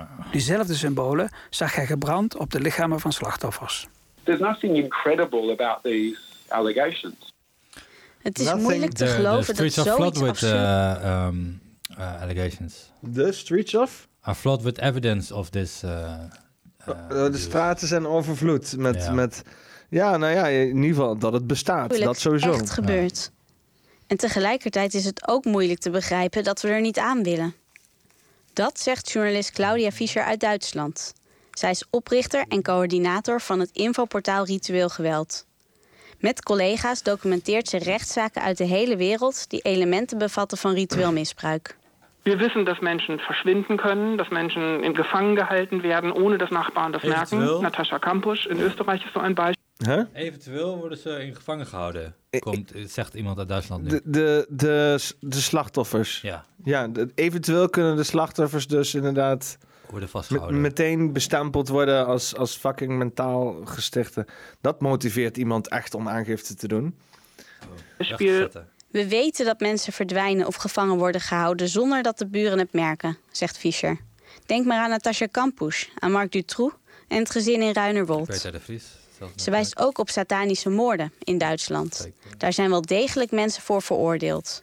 Hoe kan het dan dat als iemand naar voren stapt en hierover vertelt, dat we toch meteen roepen dat het niet waar kan zijn? Omdat het fijner is om niet te weten dan om te weten. Toch? Ja. Ignorant is bliss. I guess. Als je niet uh, iets wil helpen. Weet meer shit. Kijk, kijk ik, ik heb zeg maar uit onwetendheid gehandeld zojuist. En uh, ik heb even mijn schouders opgehaald en gezegd... Ah, weet je wel, ik kan die audio... Die audio zit wel goed, kom maar goed, weet je wel. En we hebben een vier uur lang een, een, op, een, een, dezezelfde uitzending gemaakt hiervoor. En zonder audio. Helemaal niks. God. Dat is wat voor vreselijke dingen er kunnen gebeuren als je gewoon even je schouders ophaalt. Als het om ritueel misbruik gaat, is het noodzakelijk dat politie en therapeuten samenwerken en hun kennis uitwisselen. Dat zegt Franziska Schubiger, recherchechef bij de politie in Zurich, in Zwitserland. Ich halte es für notwendig, dass man sich interdisziplinär vernetzt, damit wir uns mit den Therapeuten austauschen können. Schubiger werkte eerder als rechercheur, zowel bij de zedenpolitie als bij de afdeling georganiseerde misdaad. Ze deed een studie naar de wijze waarop de politie ernstig getraumatiseerde slachtoffers van seksueel misbruik hoort. En meer specifiek slachtoffers met een rituele achtergrond. Het hoort niet bij de taak van therapeuten om aan waarheidsvinding te doen, zegt ze, maar hun kennis kan wel bij waarheidsvinding helpen. De politie kan veel van traumapsychologen leren als het gaat om het horen van slachtoffers. Zeker bij slachtoffers met DIS. Of hoe ze Die nieuwe skills moeten opzetten. Wat, wat, om weer weg te liegen. Ja, want um, slachtoffers met DIS. Maar wat is dat dan? Een of andere disorder of zo? Business model, ja. Business model, ja. Disorder business. DSM is een business model. Niet in staat om precies te vertellen wat er is gebeurd. Die Opfer dissozieren, also eben sie können dann gar nicht über das, was passiert ist, sprechen.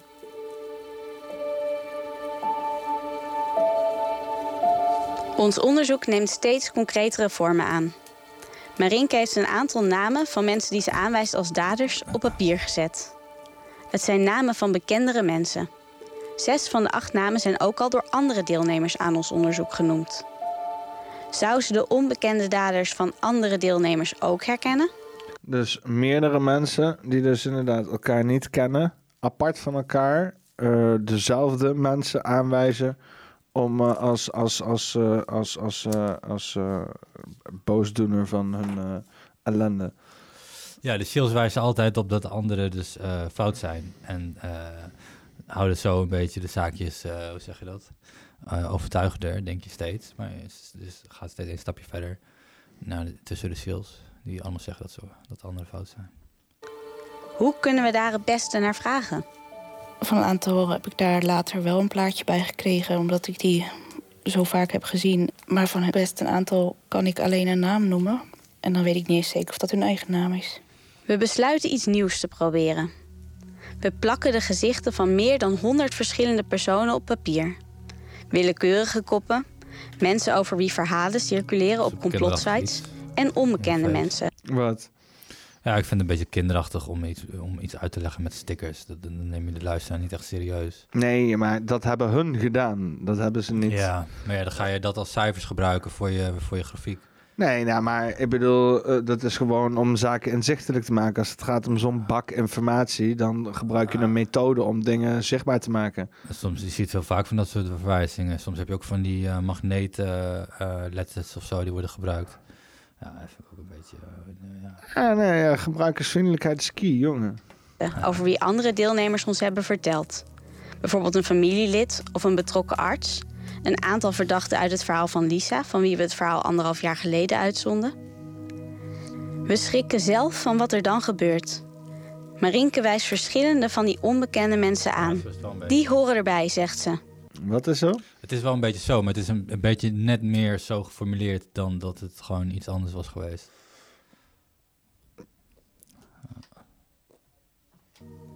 Het is geen wilde gok. Ze kent hun namen en persoonlijke details, zoals een woonplaats, de namen van hun kinderen, hun favoriete sport. Maar ook een morbide seksuele voorkeur. Een bepaald wapen dat iemand zou hebben.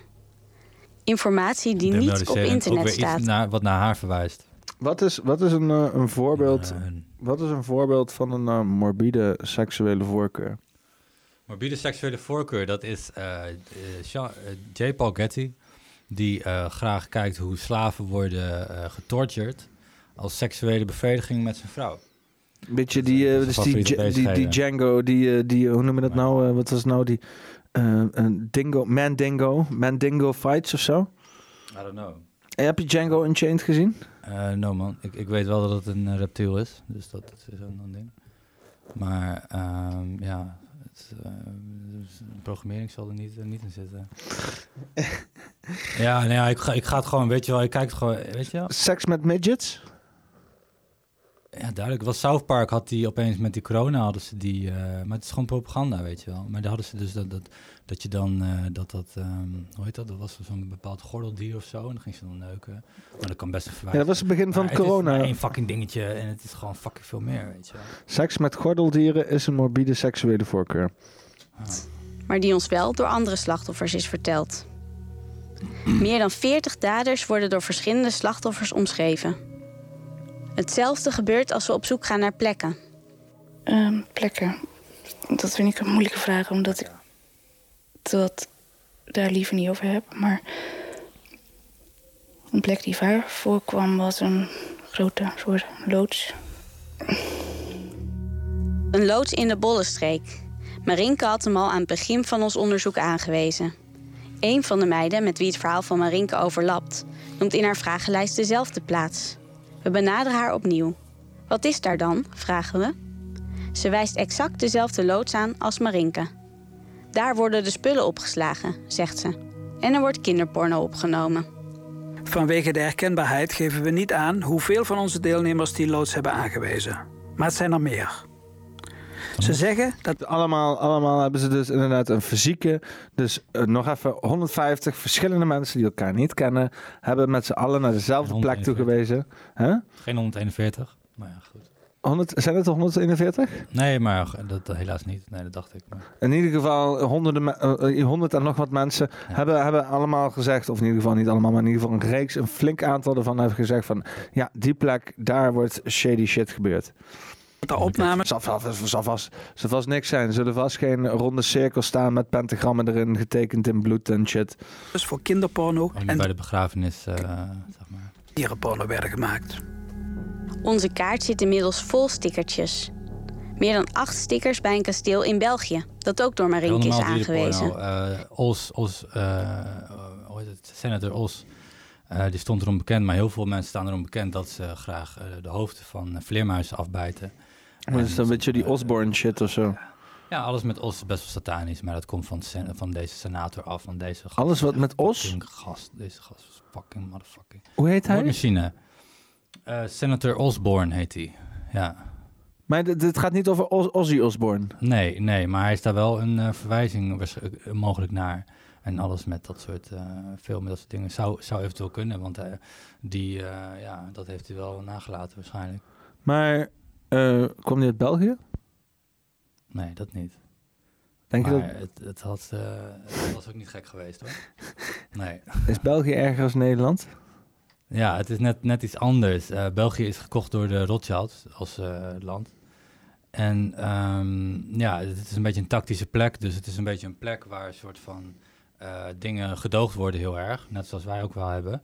Maar wij worden een beetje uit elkaar eh, gespeeld. Of eh, dat we naar, naar de andere kant kijken.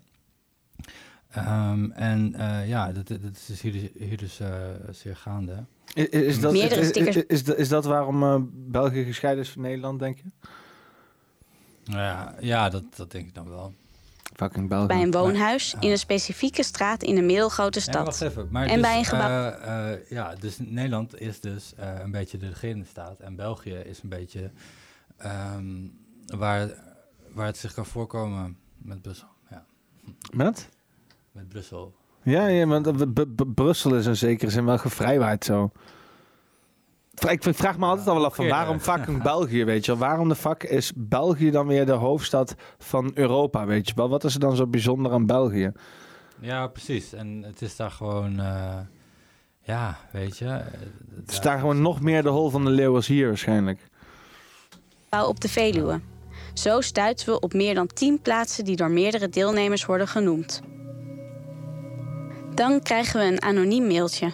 Pas op, ze zijn alert op jullie onderzoek. Ze gaan bewijs kwijtmaken, net als ze bij Dutroux hebben gedaan. Diezelfde dag gaat de loods in de Bollenstreek in vlammen op. True is ook echt een beerput, hè? Non de Ja.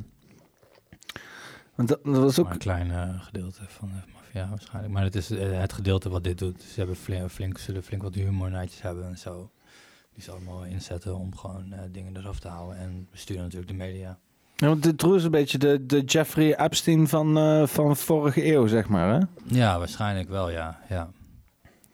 ja Bellen de brand. los. Maar deze persoon die heeft natuurlijk zelf niet veel gedaan. Die was meer een soort van regelpersoon waarschijnlijk. Patsy. En eh, ja, had ook wel gemist kunnen worden. Dus die wordt waarschijnlijk toegelaten dat dit verhaal loskomt. zo. weer. De schade is zo groot dat ze niet kunnen vaststellen hoe de brand is ontstaan. We kloppen aan bij Johannes Reurig in Berlijn. Ich bin von dem Bundeskabinett berufener Missbrauchsbeauftragter der Bundesregierung. Hij is door de Duitse regering benoemd als nationaal commissaris tegen dus ook in kindermisbruik. Duitsland. Onder in Duitsland zit dus ook een groot deel van Bilderburg. Naast Den Haag. En wist je dat we als Nederland afhankelijk zijn van Duitsland of voor controle van onze rechtsstaat? Nou, artikel 102 van de grondwet eh verhoudt ervoor dat wij onze eigen grondwet niet mogen toetsen. En eh er is dus een constitutioneel hof in Duitsland, wat dus dan toets, onze ons eh, eh, grondwet toetst. Oké. En ja, dat kan dus dan niet door rechters gebeuren. Dat kan alleen maar dan door politieke beslissingen, maar dan wel. Ja, het is een fucking Duitsland. Ja, gek. Reurig heeft een onderzoekscommissie in het leven geroepen... die slachtoffers van seksueel misbruik hoort en bevraagt. Tot nu toe meer dan 1600. Soms vertellen die slachtoffers ook over ritueel misbruik. Mir war es am Anfang sehr, sehr mulmig, weil bevor ich... Ritueel misbruik was aanvankelijk een heel ongemakkelijk onderwerp voor mij. Maar nu ik mensen persoonlijk ken die dit in hun jeugd hebben meegemaakt, voel ik geen terughoudendheid meer. Ik vind het heel belangrijk, ook als vertegenwoordiger van de Duitse regering, te zeggen: ik geloof de slachtoffers. Dat ritueel georganiseerd seksueel geweld bestaat. Mir war es auch ganz wichtig, ganz klar, auch als Vertreter der Bundesregierung zu sagen, ich glaube den Betroffenen, dass es rituelle, organisierte Ich glaube dienen. sexuelle Gewalt gibt. Reurig heeft intensieve gesprekken gevoerd met deze slachtoffers. Hij is er zeker van dat ze afgrijzelijk seksueel geweld hebben meegemaakt. Maar toch vindt hij de term slachtoffers geen goed woord. Als je beseft hoe zij als kinderen erin geslaagd zijn om een opleiding af te ronden, het leven weer op te pakken, dat zijn enorme energieën. En Ja, oké. Het, is wel, het is wel een vorm wat je zegt. Het zijn geen slachtoffers, maar... Het is wel, het- het- die mensen zijn wel... Het is wel ze zijn wel zwaar beschadigd. En we zeggen gespleten persoonlijkheden en shit. Ja, klopt. Dus door die overmatige trauma dat dat... eh, maar ja, goed. eh, het blijft gewoon hetzelfde persoon. En het sterke pers- persoonlijkheden. Das sind enorme Energien und das sind starke Persönlichkeiten. We kloppen ook aan bij de man die 26 jaar geleden de voorzitter was van de werkgroep Ritueel Het is eigenlijk gewoon een schande, weet je wel. Dat... De werkgroep Ritueel. Ritueel-werkgroep. Wat omdraaien. Nee, maar het is eigenlijk gewoon een schande dat dit soort mensen aankomen bij, on- bij onze politie, weet je wel, met vreselijke verhalen en dat ze maar gewoon afgewimpeld worden. Sterker nog, gewoon nog beschuldigd worden van valse beschuldigingen. Ja. En dat het gewoon al jarenlang gaande is. misbruik. Toenmalig advocaat-generaal Joost Hulsenbeck. Hij wil niet met zijn stem op de radio, maar we mogen hem wel citeren. Hij zegt: De werkgroep heeft destijds verklaard dat de zaken wellicht gebaseerd zijn op traumatische gebeurtenissen in de jeugd. Of misschien onder invloed van therapie tot stand komen. Vaststaat dat mensen die met deze verhalen komen ernstig geleden hebben en geholpen dienen te worden.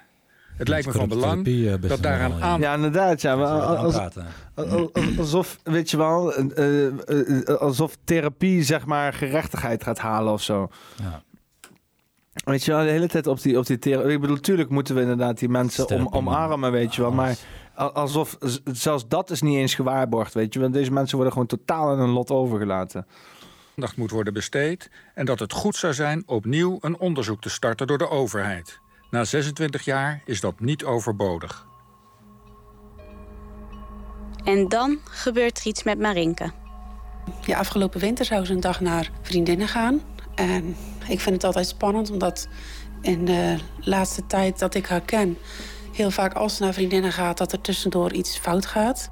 Marinkes vriendin had nog wel gecheckt of ze het goed had geregeld. Ze had iemand die haar bracht en haar ophaalde. Maar toen is ze dus toch tussen die twee vriendinnen door kwijt geweest, best wel een aantal uur. Ze zat met de ene vriendin in een cafeetje toen ze werd opgehaald door iemand die zich voorstelde als een schoolvriendin. Ze Omdat zei gedag de en liep mee. was. Wie is niet van de overheid? Eh, deze, deze persoon, deze dreiging eh, die nu gebeurt, is eh, dan niet van de overheid. Dus dit is dan heel. eh, dit is dan, is In commerciële belangen, zeg maar. nou, dat is nog de vraag, maar eh, wie het is, eh, dat weten ze niet. Hm. Ze was dus te laat bij de ene vriendin. En degene die haar chauffeurde, die wist ook allemaal niet precies hoe het zat. En de man die was in paniek. In haar telefoon heeft Marinke vastgelegd waar ze was. Een ruimte op een industrieterrein in de provincie Utrecht. Als we aan andere deelnemers vragen of ze in die plaats netwerklocaties kennen, wijzen ze precies die plek aan die Marinke heeft genoemd. Ze beschrijven ook dezelfde typerende details van het interieur. Ronde cirkels, pentagrammen gemaakt uit bloed, kaarsjes aan de buitenkant. Ze kon niet plassen. Daar kwam ze eigenlijk eerst mee. Zo was het. Ze kon niet plassen. Toen zei ik, ja, dan moeten we gewoon de dokter bellen, want dat kan echt niet. Ja, dat dus toen niet zijn we naar het ze in een ziekenhuis gegaan. toestand was of zo, eh, dat, het, eh, dat ze dat had. Wat, eh, wat was De hoeveelheid glas gaan we straks horen hoeveel het was. En ja, toen bleek dus dat er iets heel anders aan de hand was. Dat ze niet kon plassen vanwege dat alles zo verkrampt was... omdat er glas in de baarmoeder zat. Ja, echt super bizar. Je wil het eigenlijk niet geloven. Om half één s'nachts is Marinke eindelijk aan de beurt. Haar vriendin appt vanuit het ziekenhuis. Net bloed afgenomen. Heb gevraagd om een drugstest, maar daar is het te laat voor. Ze krijgen een gynaecoloog via het Centrum Seksueel Geweld. En toen heeft... Ze, ze krijgen een gynaecoloog, weet je wel? Corruptie geen gynaecoloog. Ze, ze, ze zouden ook gewoon niet zelf gewoon naar een of andere gyne... Nee, ze krijgen een gynaecoloog. Dus, het- Marinke dus vertelt inderdaad dat er glas in zat. Dat dat eh, gebeurd was. Ja, dat moest er natuurlijk uit. Maar het leverde voor Marinke zo verschrikkelijk veel stress op... dat dat eigenlijk niet zo ging. Dus ze moest onder narcose. Maar omdat ze zo angstig was, mocht ik erbij blijven. Dus ik heb, ja, ik heb dat allemaal meegemaakt, zeg maar. eh. Niet te geloven. dus ik heb dat glas ook gezien. En ja, dat is iets wat je nooit mee zou wi- willen maken. Zeker niet met iemand die je heel goed kent. Wat zie je dan? Komt er dan een stukje glas uit? Ja, Komt daar dan een stukje glas uit? De vraag van vandaag. Dat, eh, dan, op dit verhaal is dan... eh, of- ja. Of er een stukje glas uitkomt? De gynaecoloog haalde met een tang allemaal stukjes glas uit de baarmoeder. Ik denk misschien wel een heel wijnglas. Op een gegeven moment zei wel de gynaecoloog van... onvoorstelbaar Tja. hoe diep het zit. Visualiseer het voor ons, Jezus. Met stiltje en alles. Huh? Met stiltje en alles. Met stil gewoon en heel kom zo weer reconstrueren. Ja. Porno. Het geluid dat je nu hoort is vanuit het ziekenhuis. De vriendin heeft op video opgenomen hoe het glas eruit werd gehaald. Om voor ons vast te leggen dat dit echt met Marinke is gebeurd. De gynaecologen zijn ook geschokt. Bijna gehad. Ja, ze heeft dat ook al zoveel pijn gehad. Het geluid van het eh, gehele wijnglas dat uit de baarmoeder van Marinka wordt gehaald. Het onvoorstelbaar is wat een mens kan hebben. Ik werd ook bevraagd door hun van waarom ga je hier niet mee naar de politie? Want dit is eh, te bizar voor woorden. Dit is haar aangedaan. En eh, hier moet iets mee gedaan worden. Wat vreemd dat ze nou niet naar de politie is gegaan. En waarom niet? Ja, Marinke wil dat zelf niet. Omdat ze daar slechte ervaringen mee heeft. En dit was voor haar zo traumatisch dat ze daar eh, amper over kon praten. Dus het zeker niet bij de politie nog een keer wilde vertellen. Eh, dit was het. Her, heftiger getraumatiseerd om niet naar de politie te gaan dan het en om zou dit het ja Ja. Elke dag verkracht worden is niet... eh, Was het de eerste keer dat je glas in je vagina had? Nee, dat was niet de eerste keer. En het was niet altijd glas, ook wel eens andere dingen. Hé, maar u weet Weet het je- waar, man. Want weet je wel, die, die eh, reclames van Unilever zijn ook, heb ik ook veel gezien met gebroken glasscherven. En dan was een keertje bij Kunst en Kiet en dat was duidelijk een vrijmetselaar iets. Volgens mij zeiden ze dat ook of zo. Maar in ieder geval was wel. En eh, toen zeiden ze, er was ook iets met glasscherven en daar gingen ze heel speciaal over doen. Dus het is zeker een ding. Je hebt met Siggo, die achtergrond lijkt op eh, scherven en zo. Ze hebben echt met voetbal ook. Dus het zou echt wel... Oh ja, en je hebt met eh, Toto heb ik ook eens iets gezien, vaak. Maar ehm, ja, weet je wel, het zal vast wel, joh. Weet je, ik heb gezien met, uh, met ehm, hoe heet dat, van die wasmachines of zo, dat ze daar ook, dat met hoofd weet ik veel, man. Weet je wel, dat zijn gewoon gare gasten, hebben allemaal rare fetishes over hun eigen zieke corporatie shit of zo, weet je wel. Ja, maar het is, het, is, het is dat signalen naar elkaar, weet je wel. Als dit inderdaad praktijken zijn die... Als, als dit praktijken zijn die constant gebeuren en dat dan mensen inderdaad knipoog, knipoog van, hey, weet je nog de glasscherven? Weet je wel? I don't know. Ik weet, ik weet nog niet wat het Fuck dat praktijken. Ja. Waarom zoiets Ik vind het zelf heel geil, zo, zoiets. Om je bang en afhankelijk te maken van hun. Je kan daar niet mee blijven rondlopen, dus je moet er iets mee. En eerdere keren dat dit bij mij gebeurd is, ben ik om deze reden onder andere teruggegaan. Zodat het eruit werd gehaald. Want waarom liet je het liever door hen eruit halen dan in het ziekenhuis? Liever is niet echt het goede woord, denk gewoon helemaal nergens op. Als ik het in het ziekenhuis, of in ieder geval niet door hun eruit zou laten halen... moest ik vertellen hoe het gekomen is. Snap je? Ja, ze, een beetje, ja. Nee, ze schaamt zich gewoon voor het feit dat wat haar overkomen is. Zij is ja, maar het is het hetzelfde... enige geval dat, dat deze situatie is omgedraaid. Het is het enige geval dat zij iets kan doen waardoor er fysiek iets gebeurt. Waardoor mensen die niks alsnog kunnen bang kunnen zijn voor iets. Wat de fuck, dit weet je wel. Het is gewoon, uh, ja... Maar, maar, maar snap, snap, snap je niet net, dat... Net het ene voorbeeld bedoel ik. Maar snap jij niet dat zij zich schaamt voor het feit dat zij glas in haar vagina heeft? Duidelijk, maar dat kun je dus aan haar zien, aan haar gemoedstoestand. Wat dat ze... Tenminste, dag, ja. Ja, maar zij is waarschijnlijk ook al vaker in allerlei instanties of met mensen geweest. En zij heeft zoiets van: ik, ik, ik ga gewoon binnen die vertrouwde cirkel. Ja. Laat ik dit afhandelen, want anders kom ik straks weer in de penarie of zo. Ja, maar het, ja, op, op, over het algemeen um, is het dus wel dat. Um, ja, dat die angst om het te, te vertellen toch wel een beetje anders zit of zo. Nou, het is er ook geprogrammeerd, weet je wel. Want het is ook dat, dat Stockholm-syndroom, weet je wel. Dat zij dus inderdaad nou ja, vastzit in dat, dat cirkeltje. Dat dreigement van, van ja, als je wat doet, dan, uh, ja, dan, dan gaan we dit doen. Dan gaan we deze toortje uh, toepassen, soort van. Ja, dat als ja. zij niet terugkomt om dat binnen die cirkel te doen, dat ze sowieso... Weet je wel, dan komen mensen erachter. En dat is ja. het ergste wat kan gebeuren, dat mensen erachter komen. Guess, en dat was voor mij te bedreigend.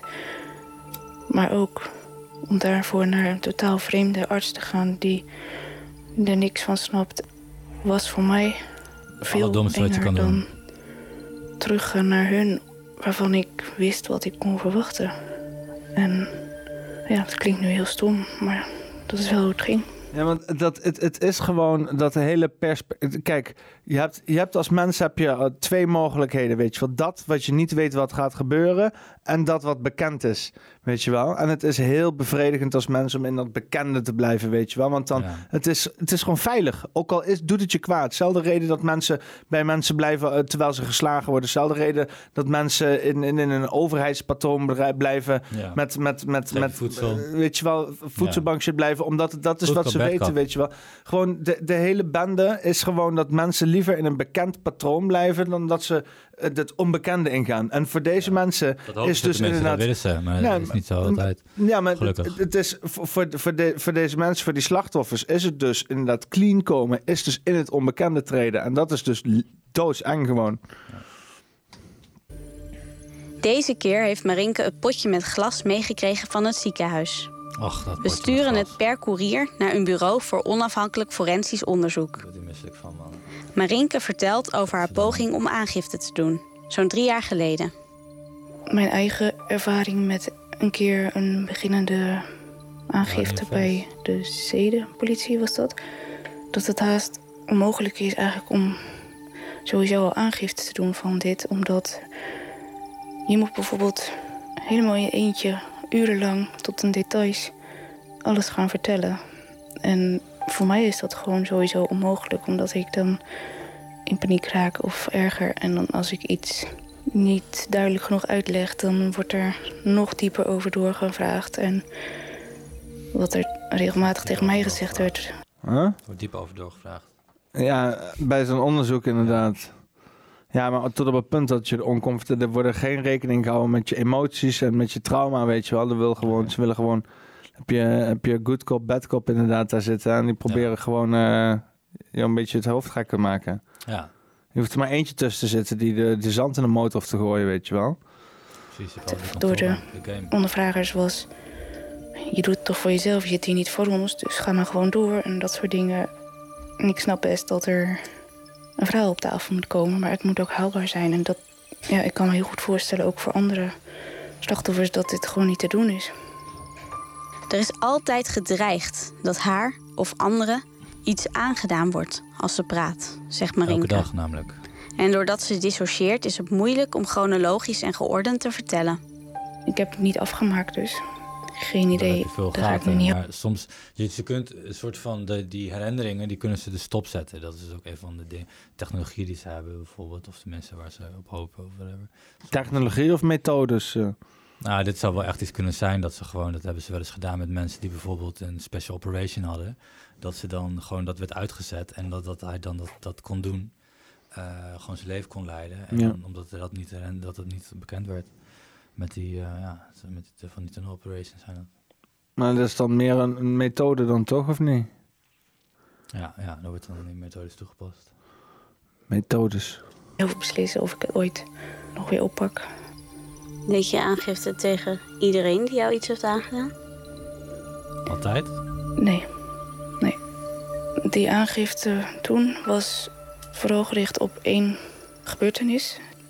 Maar om aangifte te doen tegen zo'n best grote groep mensen... waarvan ik van een aantal heel duidelijk weet wie het zijn... maar ook van een aantal niet genoeg duidelijkheid heb... is dat nog extra ingewikkeld en extra angstig. Omdat als je weet dat je misschien wel een aangifte wint tegen één iemand... dan weet je tegelijk dat er nog ja. 10, 20... Probeer me dus een uh, social media uh, concern aan te klagen. Lukt je niet.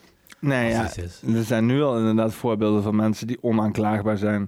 Als je die mensen dan ook nog eens een keer ziet uh, in, die, in die situaties, dan is het dan bij fact. Ja. Mwap, mwap, mwap. user agreement. Weet ik veel. Anderen zijn die daarop actie kunnen ondernemen, wraak kunnen nemen of weet ik veel wat. We krijgen bericht van het Forensisch Bureau. Ze hebben drie scherven onderzocht. Er zit mannelijk DNA op, concluderen de onderzoekers. De aangetroffen dit is ongelooflijk past onderzoek bij dit. de aanraking van het glas of de glasscherven door een man. Het doet mij gewoon ontzettend veel pijn dat als je vriendin zoveel dingen zijn aangedaan, dat je daar niet mee naar de politie kunt gaan en je recht kan halen. He, dat, dat de daders niet veroordeeld kunnen worden of wat dan ook. Omdat iedereen denkt dat het er niet is. Huh? Niemand gelooft het. Dat is een silent weapon for quiet wars. Het is zo... Uh, nou. Silent weapon for quiet wars. Ja, het is, het, het is um, een, een, technologische oorsprong. Dus je hebt niet meteen door uh, waar je naar aan het kijken bent, maar het is een, het is een wapen. Net als een smartphone. Uh, smart, uh, secret, militarized armament, residential technology. Het is gewoon een soort van wapen.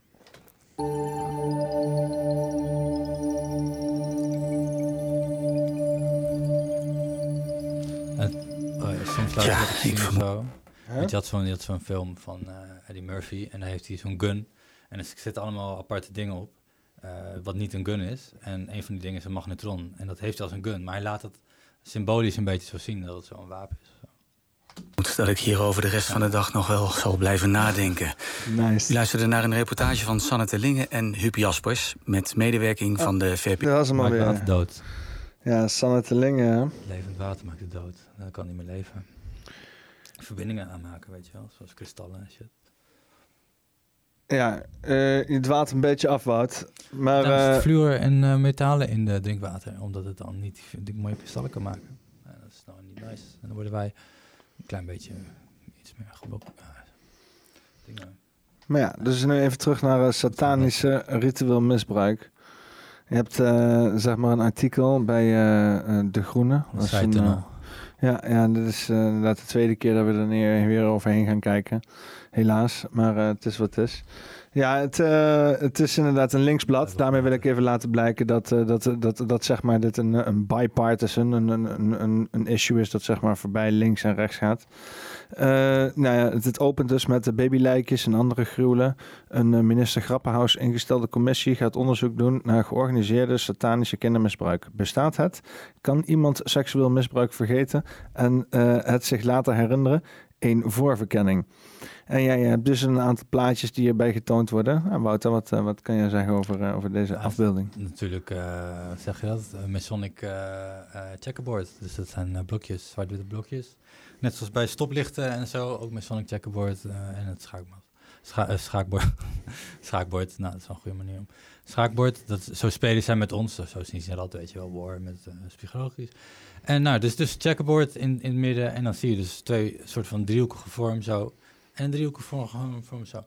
En dat is ongeveer wat Vermessela logo ook heeft. Um, en natuurlijk het driehoek en ook een zon, zonachtig, lijkt een beetje op zon, uh, zonnestralen van Lucifer. Uh, man en vrouw, zwart-wit boven ook en eh, beneden. En natuurlijk skeletten, wat natuurlijk ook uh, ja, zielloos of zo is. Of zo. Vrij weinig goeds voorspeld. Yes. Oké, okay, nou hebben we hier een hele aantal aan, aan, aan, aan, aan voorbeelden van, uh, van ritueel misbruik. Een voorbeeld daarvan is, is deze.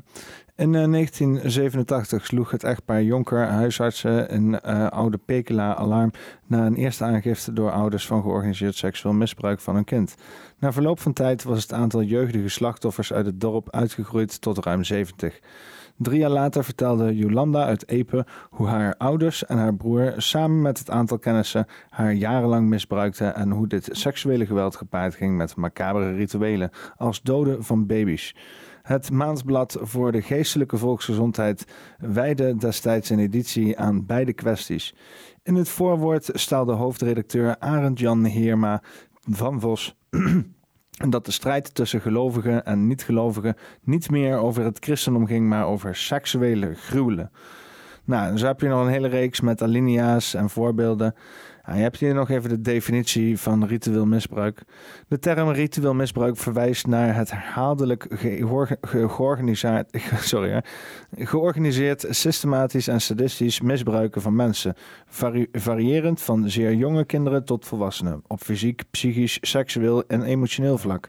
Dit misbruiken zou plaatsvinden in netwerken genaamd de cult, tussen aanhalingstekens, en gepaard gaan met bizarre rituelen als het drinken van bloed en het offeren van dieren en baby's. Dus uh, zijn we een beetje akkoord met die definitie? Ja, de, de van Lucifer. Het uh, klinkt behoorlijk uh, Luciferiaans. Nou, heb je hier nog een mooie afbeelding? Kan je nog wat op uit te maken? Ja, dit staat dus voor multiple personality disorder. Ook de standaard kleurcode zwart, rood-blauw. en zwart natuurlijk voor Satan. Um, en dus hierin leggen ze dus uit dat elk, elke keer als je dus verkracht wordt, elke dag is dat dus, dat je dus een andere naam krijgt. En dat is deze persoon. Dus deze personen hebben allemaal een andere uh, manier van uh, inbrenging. Maar gewoon, uh, ja, ja. En het is gespleten, gespleten iets. Ja, even kijken. gaan we nog even door. ik heb een stukje kunnen krijgen ter afsluiting. we hebben hier nog wel ook even een voorbeeld. Even kijken, ik heb hier ook nog uh, een stukje tekst dat ik wil voorlezen. Sonja maakt via lotgenootschap, uh, een lotgenotengroep kennis met een vrouw die onder behandeling is bij een Monique. Pas afgestudeerd als psychologe. Ze gaat bij haar in therapie. Op donderdagochtend brengt ze haar kinderen naar school. Daarna vertrekt ze naar Monique. De volgende ochtend komt ze weer thuis. Ze blijft daar uh, één nacht per week slapen, soms langer. Om een opname te voorkomen bij, uh, om een opname te voorkomen. Bij Harmon werd haar eerste uh, twee zwangerschappen naar boven gekomen. Bij Monique komen de herinneringen aan zeven zwangerschappen bij.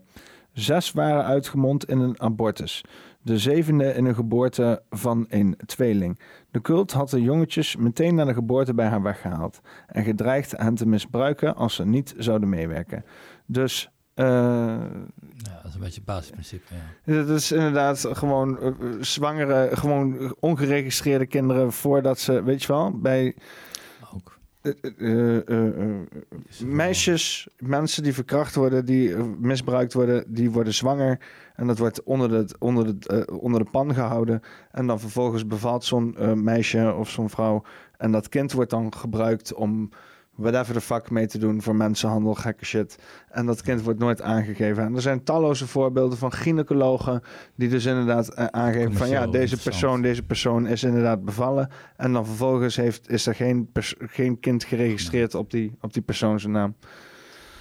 Eh, eens even kijken of we hier nog een voorbeeld van kunnen doen. Je hebt hier nog het laatste, laatste alinea. Daar wil ik nog heel even doorheen.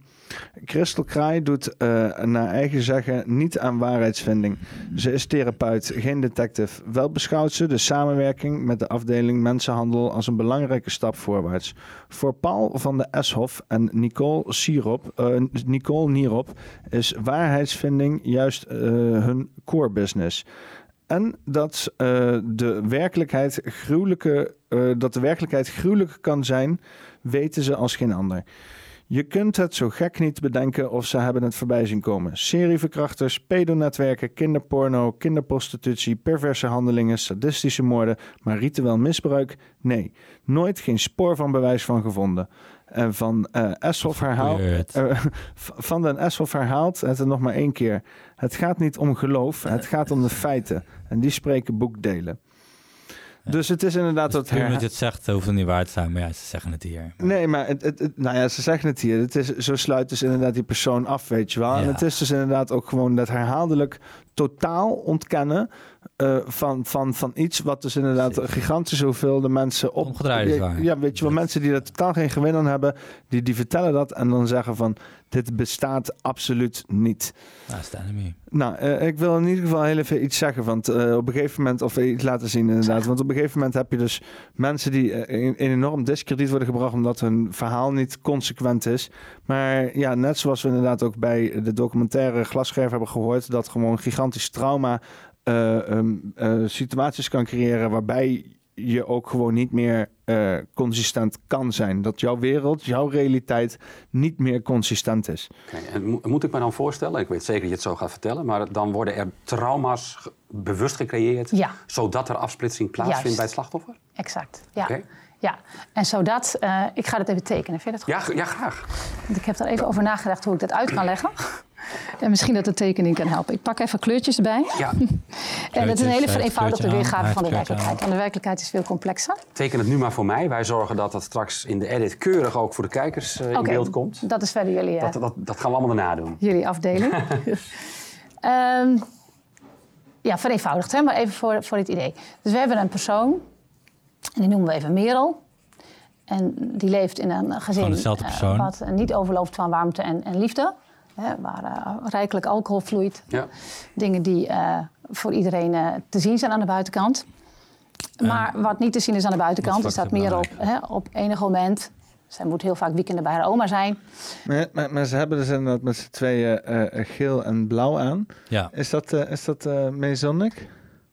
Nou, nee, het, het, het, het, het, eh, laat zien van de, de, de twee... eh, dat de eentje de nationalistische communist is en de andere communistische natie is. Eh, verkracht worden door opa. maar het is iets meer net rood. Maar ja, het is net omgedraaid. Hè, ik heb je net uitgelegd, hè, dat kan dus betekenen dat een persoonlijkheidsdeel zich afsplitst. Ja. En het ene deel vindt opa lief en het andere deel Precies. heeft in de gaten dat opa dingen doet die niet, horen. Exact, nou dat is nog maar zacht uitgedrukt. hè? Ja, ik, ik hou me... Die- ja. Ik vind het erg genoeg. Dus. Ja. En ehm, nou, daar ontstaat een nieuw deel. En als het gaat dus om eh geprogrammeerde dis, ik spreek hier over een situatie die dus expres opgezet is met het doel om het kind te splitsen, dan krijgt dat deel ook een naam van opa. Want op die manier. Oké, dus daders geven... Maar dan moeten daders dus ook herkennen Ze, dat er moeten dus, eh, ze worden verzocht om eh, bijvoorbeeld eh, ook eh, Swap, Cotton Swap en andere, die moeten, eh, Bill Gates, al deze mensen, moeten uncle, eh, oom, oom genoemd eh, worden door deze mensen. Oom? Ja. Oom? Ja. Neef? Oom. Wat dan? Ja, dat, dat, dat, dat, is een ding. Ja, daar hebben ze zijn Dat hoop in geleerd. Dat gaat heel ver. Dat gaat heel ver, ja, klopt. Dus dan is er een deel Erna die ontstaan is. Uh, en als Erna ook vervolgens weer zo'n dat deel Erna, op het moment dat die al aanwezig is, hè, dus Mhm. dan is er al misbruik plaats. Het is een hypothetische naam, hè? Hypothetisch. Hypothetisch Erna. En er vindt nieuw andersoortig misbruik plaats waar Erna nog niet mee heeft leren omgaan. Bijvoorbeeld door een andere dader, die ook voor haar een Ah, ik vroeg me af wat rood was, maar band ze heeft wel een rode huid op zich. Een rode huid. Ja. ik kan het ook wel heel ver gaan zoeken nou, hè? Hè, dus eh, laten we zeggen een oom. Dus opnieuw Nee, oom. een doorbreking van de ervaren veiligheid die Mhm. er is. Een totale nieuwe oom komt er ineens tevoorschijn, die, eh, die vreed eh, misbruikt. Dan vindt er in Erna opnieuw een splitsing plaats. En dan krijgen we bijvoorbeeld, Totaal. eh, nou, we noemen haar Rachel. En die krijgt Dus- dus naam. als ik het goed begrijp. Ik heb tot nu toe gedacht dat eh, de splitsing, zeg maar. Dus je hebt in de kern heb je de, nou ja, Erik. Mhm. En dat daar verschillende persoonlijkheidsdelen omheen ontstaan. Maar het gaat dus ook over verschillende. Trauma resulteert zich in, eh, eh, hoe zeg je dat, Eh, reflecties van de personen met een, die zij zich een andere naam geeft. Lagen en Ja, verschillende niveaus. verschillende lagen. Ja, dus je komt dit steeds verder van je eigen Ja. naamdeel af te staan. Ja. Wat, dat is volgens mij hoe het heet, heb ik geleerd. Hè? Je ja. naamdeel, dat, Ja, dat, zo noem ik dat. ja. Oh, dat noem jij dat? Ja, Oké. ja, dat is... Maar je hebt dus niet gewoon maar één persoonlijkheid, maar je hebt er zeg maar lagen, zeg maar. Dus een persoonlijkheid, een, een, een, een fictieve persoonlijkheid die van je originele persoonlijkheid afstaat, Ja. die vervolgens ook persoonlijkheden heeft gecreëerd, zeg maar. Ja, die gaan hebben hun eigen society starten.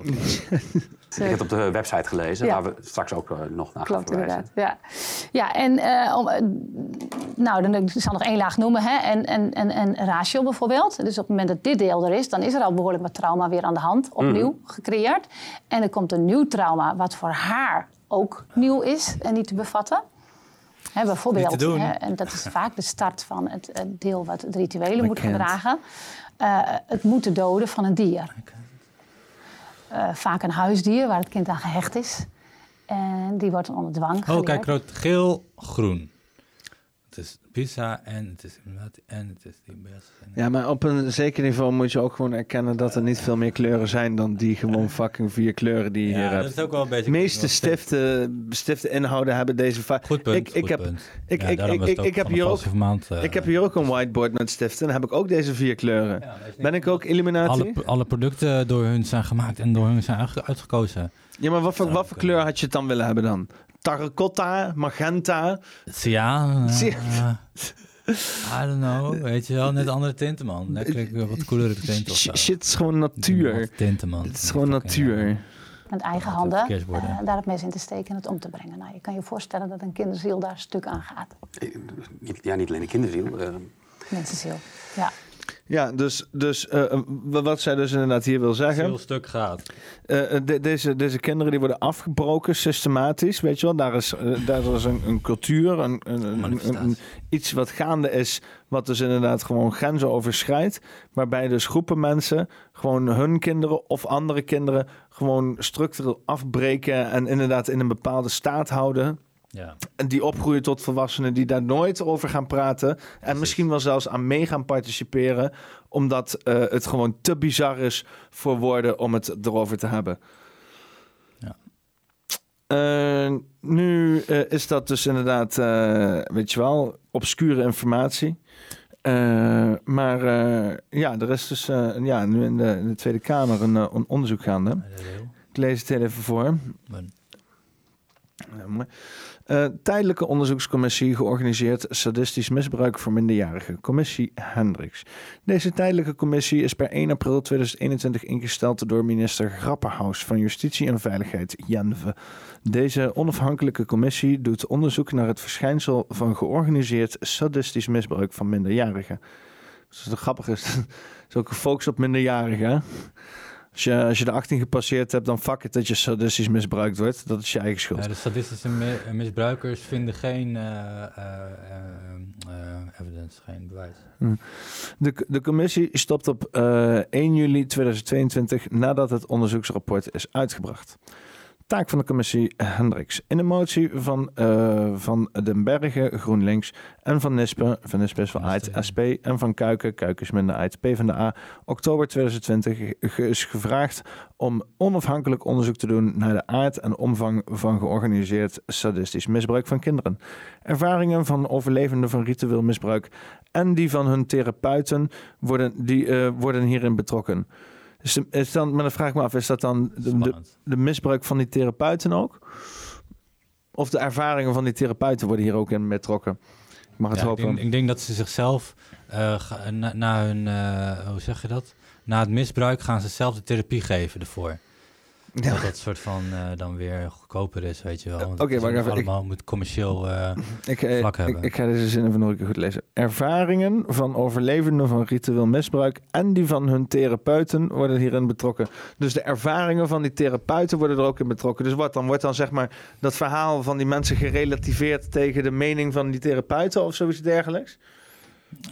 ja, dat, dat denk ik wel. Dus dat ze die therapeuten gebruiken om als een soort van uh, autoriteit dan die we dan moeten geloven. Soort van. Mag hopen dat de therapeuten uh, niks kwaads in, uh, achter in andere moties die ermee, betrok, mee, ermee te maken hebben, er is ook gevraagd om onderzoek te doen naar de landelijke expertisegroep bijzondere zedenzaken, LABS.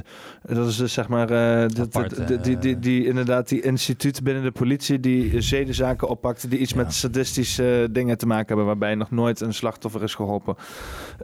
ook is er, oh, daar ben je, nee, dat is goed. Ook is er gevraagd om een meldpunt op te richten voor slachtoffers en familie van sectarisch misbruik. Op basis van de uitkomst van de beoordelingen van de onderzoeksopdracht door de WODC en de politieke en maatschappelijke urgentie van de problemen heeft minister Grappenhaus een onafhankelijke onderzoekscommissie ingesteld.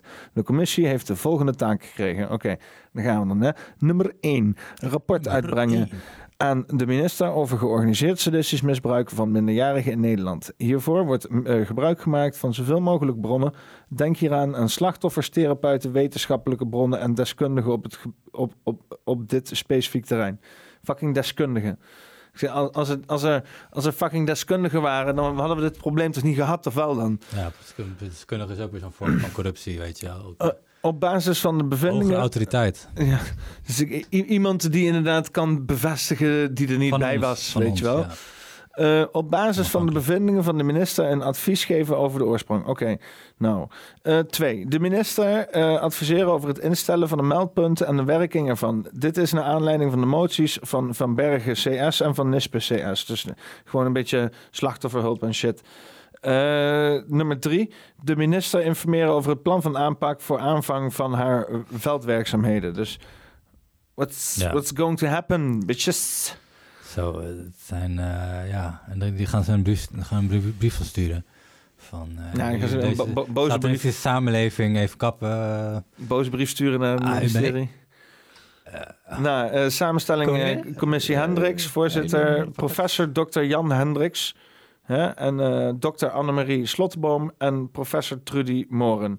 Deze twee leden zijn inderdaad ook gespecialiseerd, maar ook slachtoffer van uh, dergelijke zaken. Oh. En de professor Dr. Jan Hendricks zijn de personen uh, waarvan de uh, mensen die slachtoffer zijn, die dus inderdaad 150 mensen die dus, weet je wel, slachtoffer zijn geworden van zinnenmisbruik, die hebben allemaal geen vertrouwen in deze professor Dr.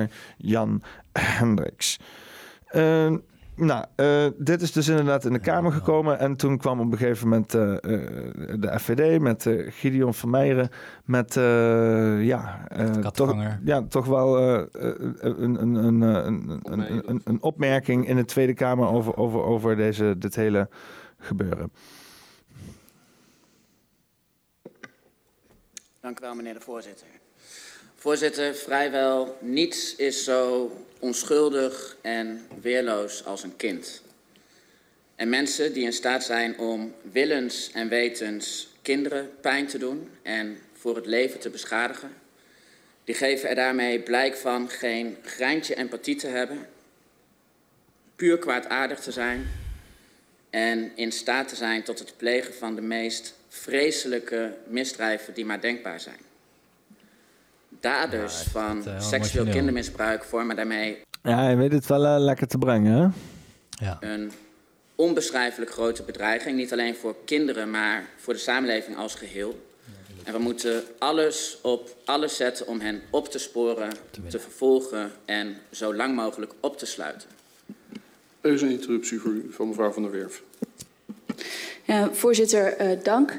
Um, ik ben het eens met de uh, intro van uh, collega Van Meijeren en dat is ook wel eens uh, anders geweest.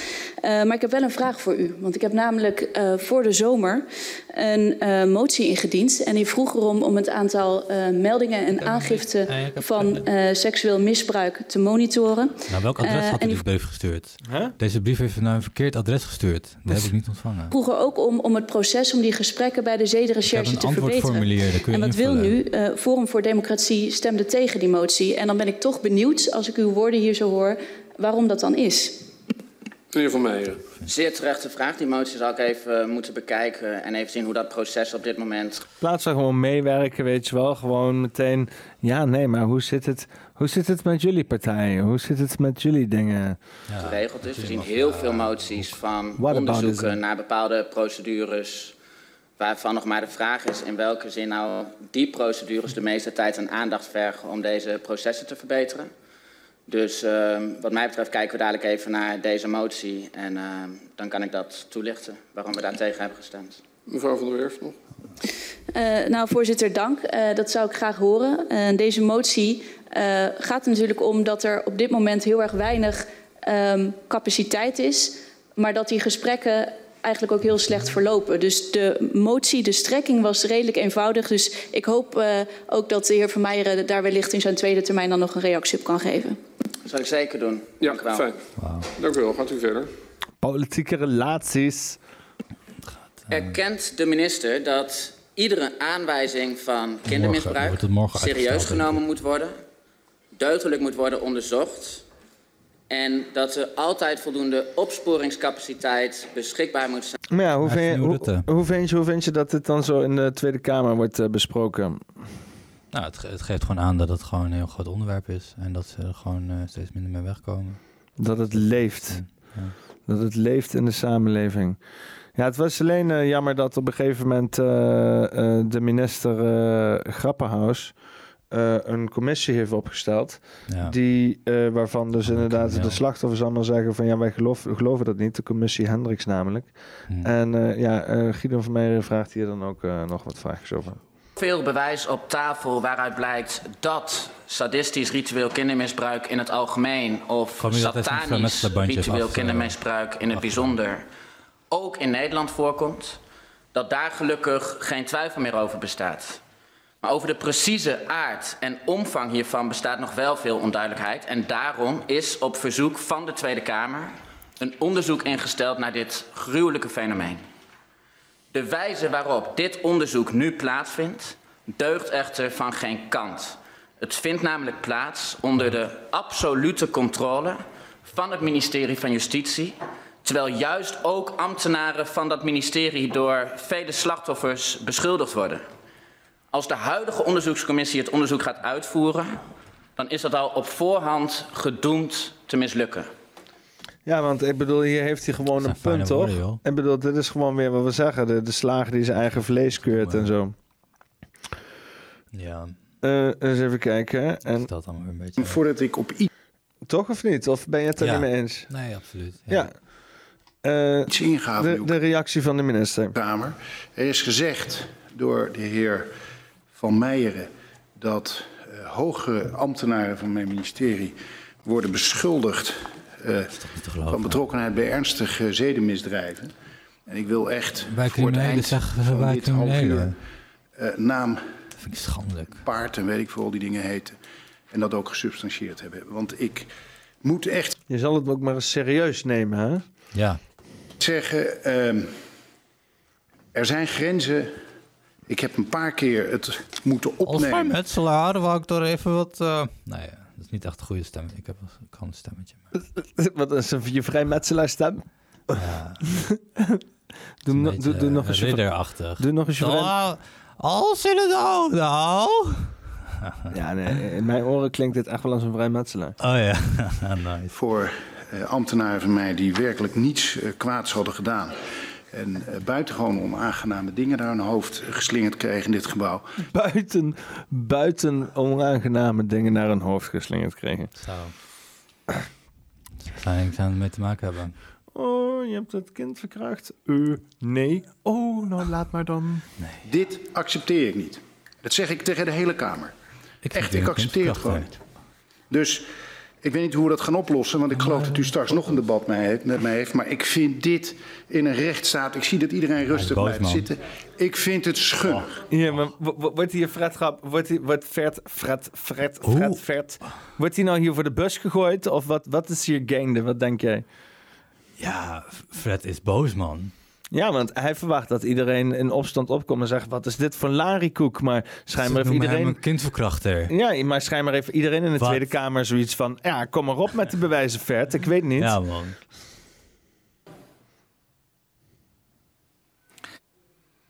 Dit is een punt van, uh, van orde.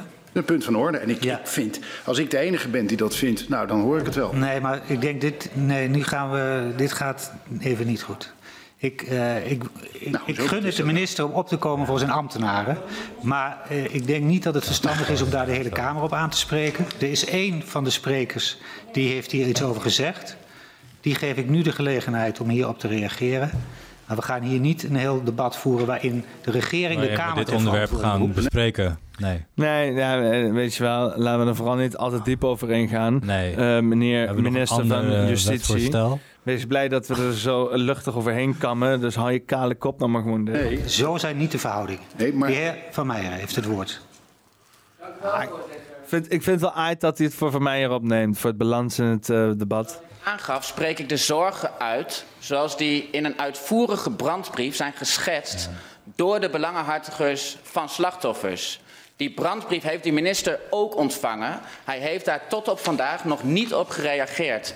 Dus... is dus inderdaad een brandbrief die uh, door uh, alle slachtoffers en inderdaad de therapeuten is uh, samengesteld. Waarbij ze zeggen dat dus die commissie Hendricks, die is nu aangesteld door minister Grappenhaus. Ja, niet, niet, ja, dat, zij, dat hun die commissie in ieder geval niet vertrouwen. Dat zij niet hun verhaal kunnen doen bij die commissie Hendricks. En dat heeft te maken met die, met die dokter Jan fucking Hendricks. In plaats van dat de minister nu netjes de zorgen van deze slachtoffers serieus gaat nemen, is het volstrekt misplaatst. Dat... Is die uh, dokter Jan fucking Hendricks, die specialist was in zedendelicten, uh, hè? Ja, absoluut. Dus een, een, een, een, een of andere wetenschapper van zedendelicten. Ja. Uh, over de Benno B's of Benno M's gesproken van de wereld. En, en hij heeft een voorgevoel. Heeft je, je, moet je op een gegeven moment afvragen van als iemand, eh, weet je wel, ik, ik, weet, ik weet niet of ik dat in deze versie van de opname of de vorige opname heb gedaan, maar uh, uh, er zijn op een gegeven moment levels in. De, weet je wel, als jij zeg maar een, een, een, een pedofiel bent of zo, weet ik veel. Whatever, of je nou een psychopaat bent, of een, een geldwolf, of een, een vrouwenrover, maar of ook of een pedofiel. Dan heb je op een gegeven moment ultieme goals in een life die voorbij uh, geld kan. Geld is dan misschien een middel. Maar je kan uh, zeggen van oké, okay, als jij pedofiel bent, dan is in het geval van die Benno, Benno B of Benno M, ik weet niet, uh, dan kan om lesgever zijn in een zwembad voor kinderen is het ultieme doel, weet je wel. Ja. Maar ja, bijvoorbeeld rechter. is ook een, maar, uh, maar, een, maar, een dus, maar dus rechter zijn of, of, of, of wetenschapper of een of andere zieke autoriteit op uh, uh, zedendelicten. Autoriteit. Dat is dus inderdaad een soort van. Een ja, dan ben je king pedofiel of zo, weet je wel. Ja. Hij nu zegt, dan wil ik ook naam en toenaam noemen. Sterker nog, wanneer ik namen van ambtenaren noem, dan is het diezelfde minister die aangeeft dat ik hier geen namen van ambtenaren moet noemen. En ik zeg helemaal niet dat ik precies weet welke ambtenaren wat gedaan hebben. Ze worden ervan beschuldigd. Dat is een vaststaand feit. De aard en omvang moet onderzocht worden en dat moet onafhankelijk. Hè, wat zeg je? Dit is het liegprogramma van de, de maffia. Wat? Een soort van, uh, ja, gewoon de liegshow of zo. Wie, Gideon? De golven van leugens. Uh, ja, het is gewoon de liegshow, man. Kom op, we zijn we goed getraind en zo. En we, we hebben die mediatraining gezet. Dat is voor de liegshow. Wie, Gideon, hier? Ja. Maar hij neemt het toch op voor het goede doel? Ja, maar dat is alleen deze aflevering, man. Maar hoe zo... verandert, verandert, het, verandert het weer, weet je? Er, kan, er kan nog van alles gebeuren in deze... Ja, oké, okay, maar hij is net begonnen. Geef hem in ieder geval een kans. Van het ministerie van Justitie gebeuren, want anders heeft dat onderzoek geen zin. De minister. Ja, voorzitter, ik roep uw Kamer niet ter verantwoording. Dat kan ik helemaal niet. Maar ik zeg gewoon in alle eerlijkheid, ik vind, uh, en ik maak daar een ordepunt van, als je zo'n ernstige beschuldiging doet in een debat, uh, dan zul je die echt moeten substantiëren. Want anders kan ik, ik kan ook niet, ik wilde serieus ingaan op een aantal punten die hier over dit onderwerp naar voren zijn gebracht. Maar ik vind dat heel bezwaarlijk als het met zo'n uh, ongefundeerde beschuldiging begint. Maar goed. Ongefundeerde beschuldiging, weet je wel. 150 mensen die een brandbrief schrijven, maar voor de rest on, ongefundeerd. Van, uh.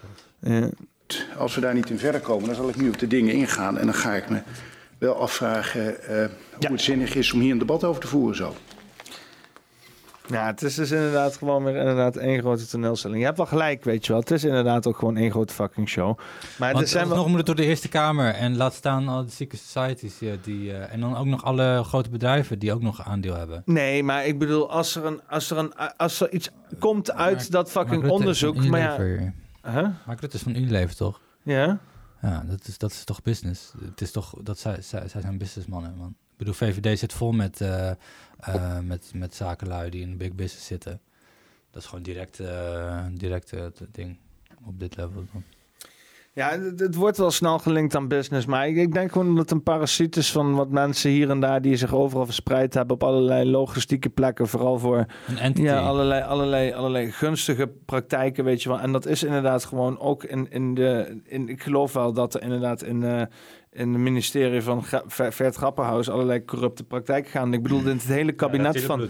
Ik bedoel, dat hele kabinet van Rutte toch is toch één groot doorgezaaid corrupt zooitje politici. Ja. Weet je wel, dus waarom zou dat op dit gebied niet zijn? En er zijn allerlei signalen om allerlei zaken te verdenken. Ook al zou er 10% waarvan zijn, dan is het nog steeds fucking verschrikkelijk, weet je wel. Ja. En het feit dat dus nu binnen, binnen een intern onderzoek wordt gedaan naar uh, uh, de feiten van de aantijgingen, naar dat fucking ministerie zelf, is werkelijk waar gewoon een façade en gewoon één grote, ja, inderdaad, clownswereld gewoon weer.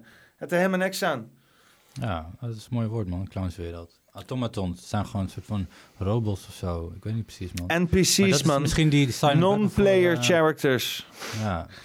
Nee, ja, het, het is, het is, het is, het is, het is, het is ik hoop, ik hoop dat er gewoon, want er wordt lekker gepeuterd, weet je wel. Er wordt lekker gepeuterd aan het grote onderdeel. Het zijn misschien maar 150 mensen, maar er zijn waarschijnlijk nog veel meer mensen die last hebben van dit soort shit, weet je wel. Ben je zo'n persoon, wees fucking gewoon eerlijk naar iedereen en om je heen en wees niet bang. Treed in het licht, weet je wel. Laat, laat licht op je fucking schijnen en uh, fuck deze schaduwwereld, weet je. Want uh, dit moet gewoon opgerold worden. Uh, ASAP, als het even kan.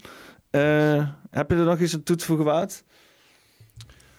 Uh, ja, even de protocol lezen. Van Sion. Oké, okay, nice. Daar sluiten we mee af. En ook op Getty. Huh? En ook op Getty is the plan to save the world. Oké, okay, nice. Nou we het daarbij. Dit is de tweede versie. Ik hoop dit keer dat het geluid en alles is opgenomen. Uh, zeg ik Poppenkast 39. Sadistisch, sectarisch satanisme. Dit was het. We have also a picture of the future of humanity and when all nations are united and completing understanding and the diversity of languages, cultures, civilizations, and points of view will provide no barrier to right human relations. At the center of each of these pictures is to be found the Christ. Thus, the express aims and efforts of the United Nations will be eventually brought to fruition in a new church of God, gathered out of all religions and spiritual groups, will untidily bring to an end.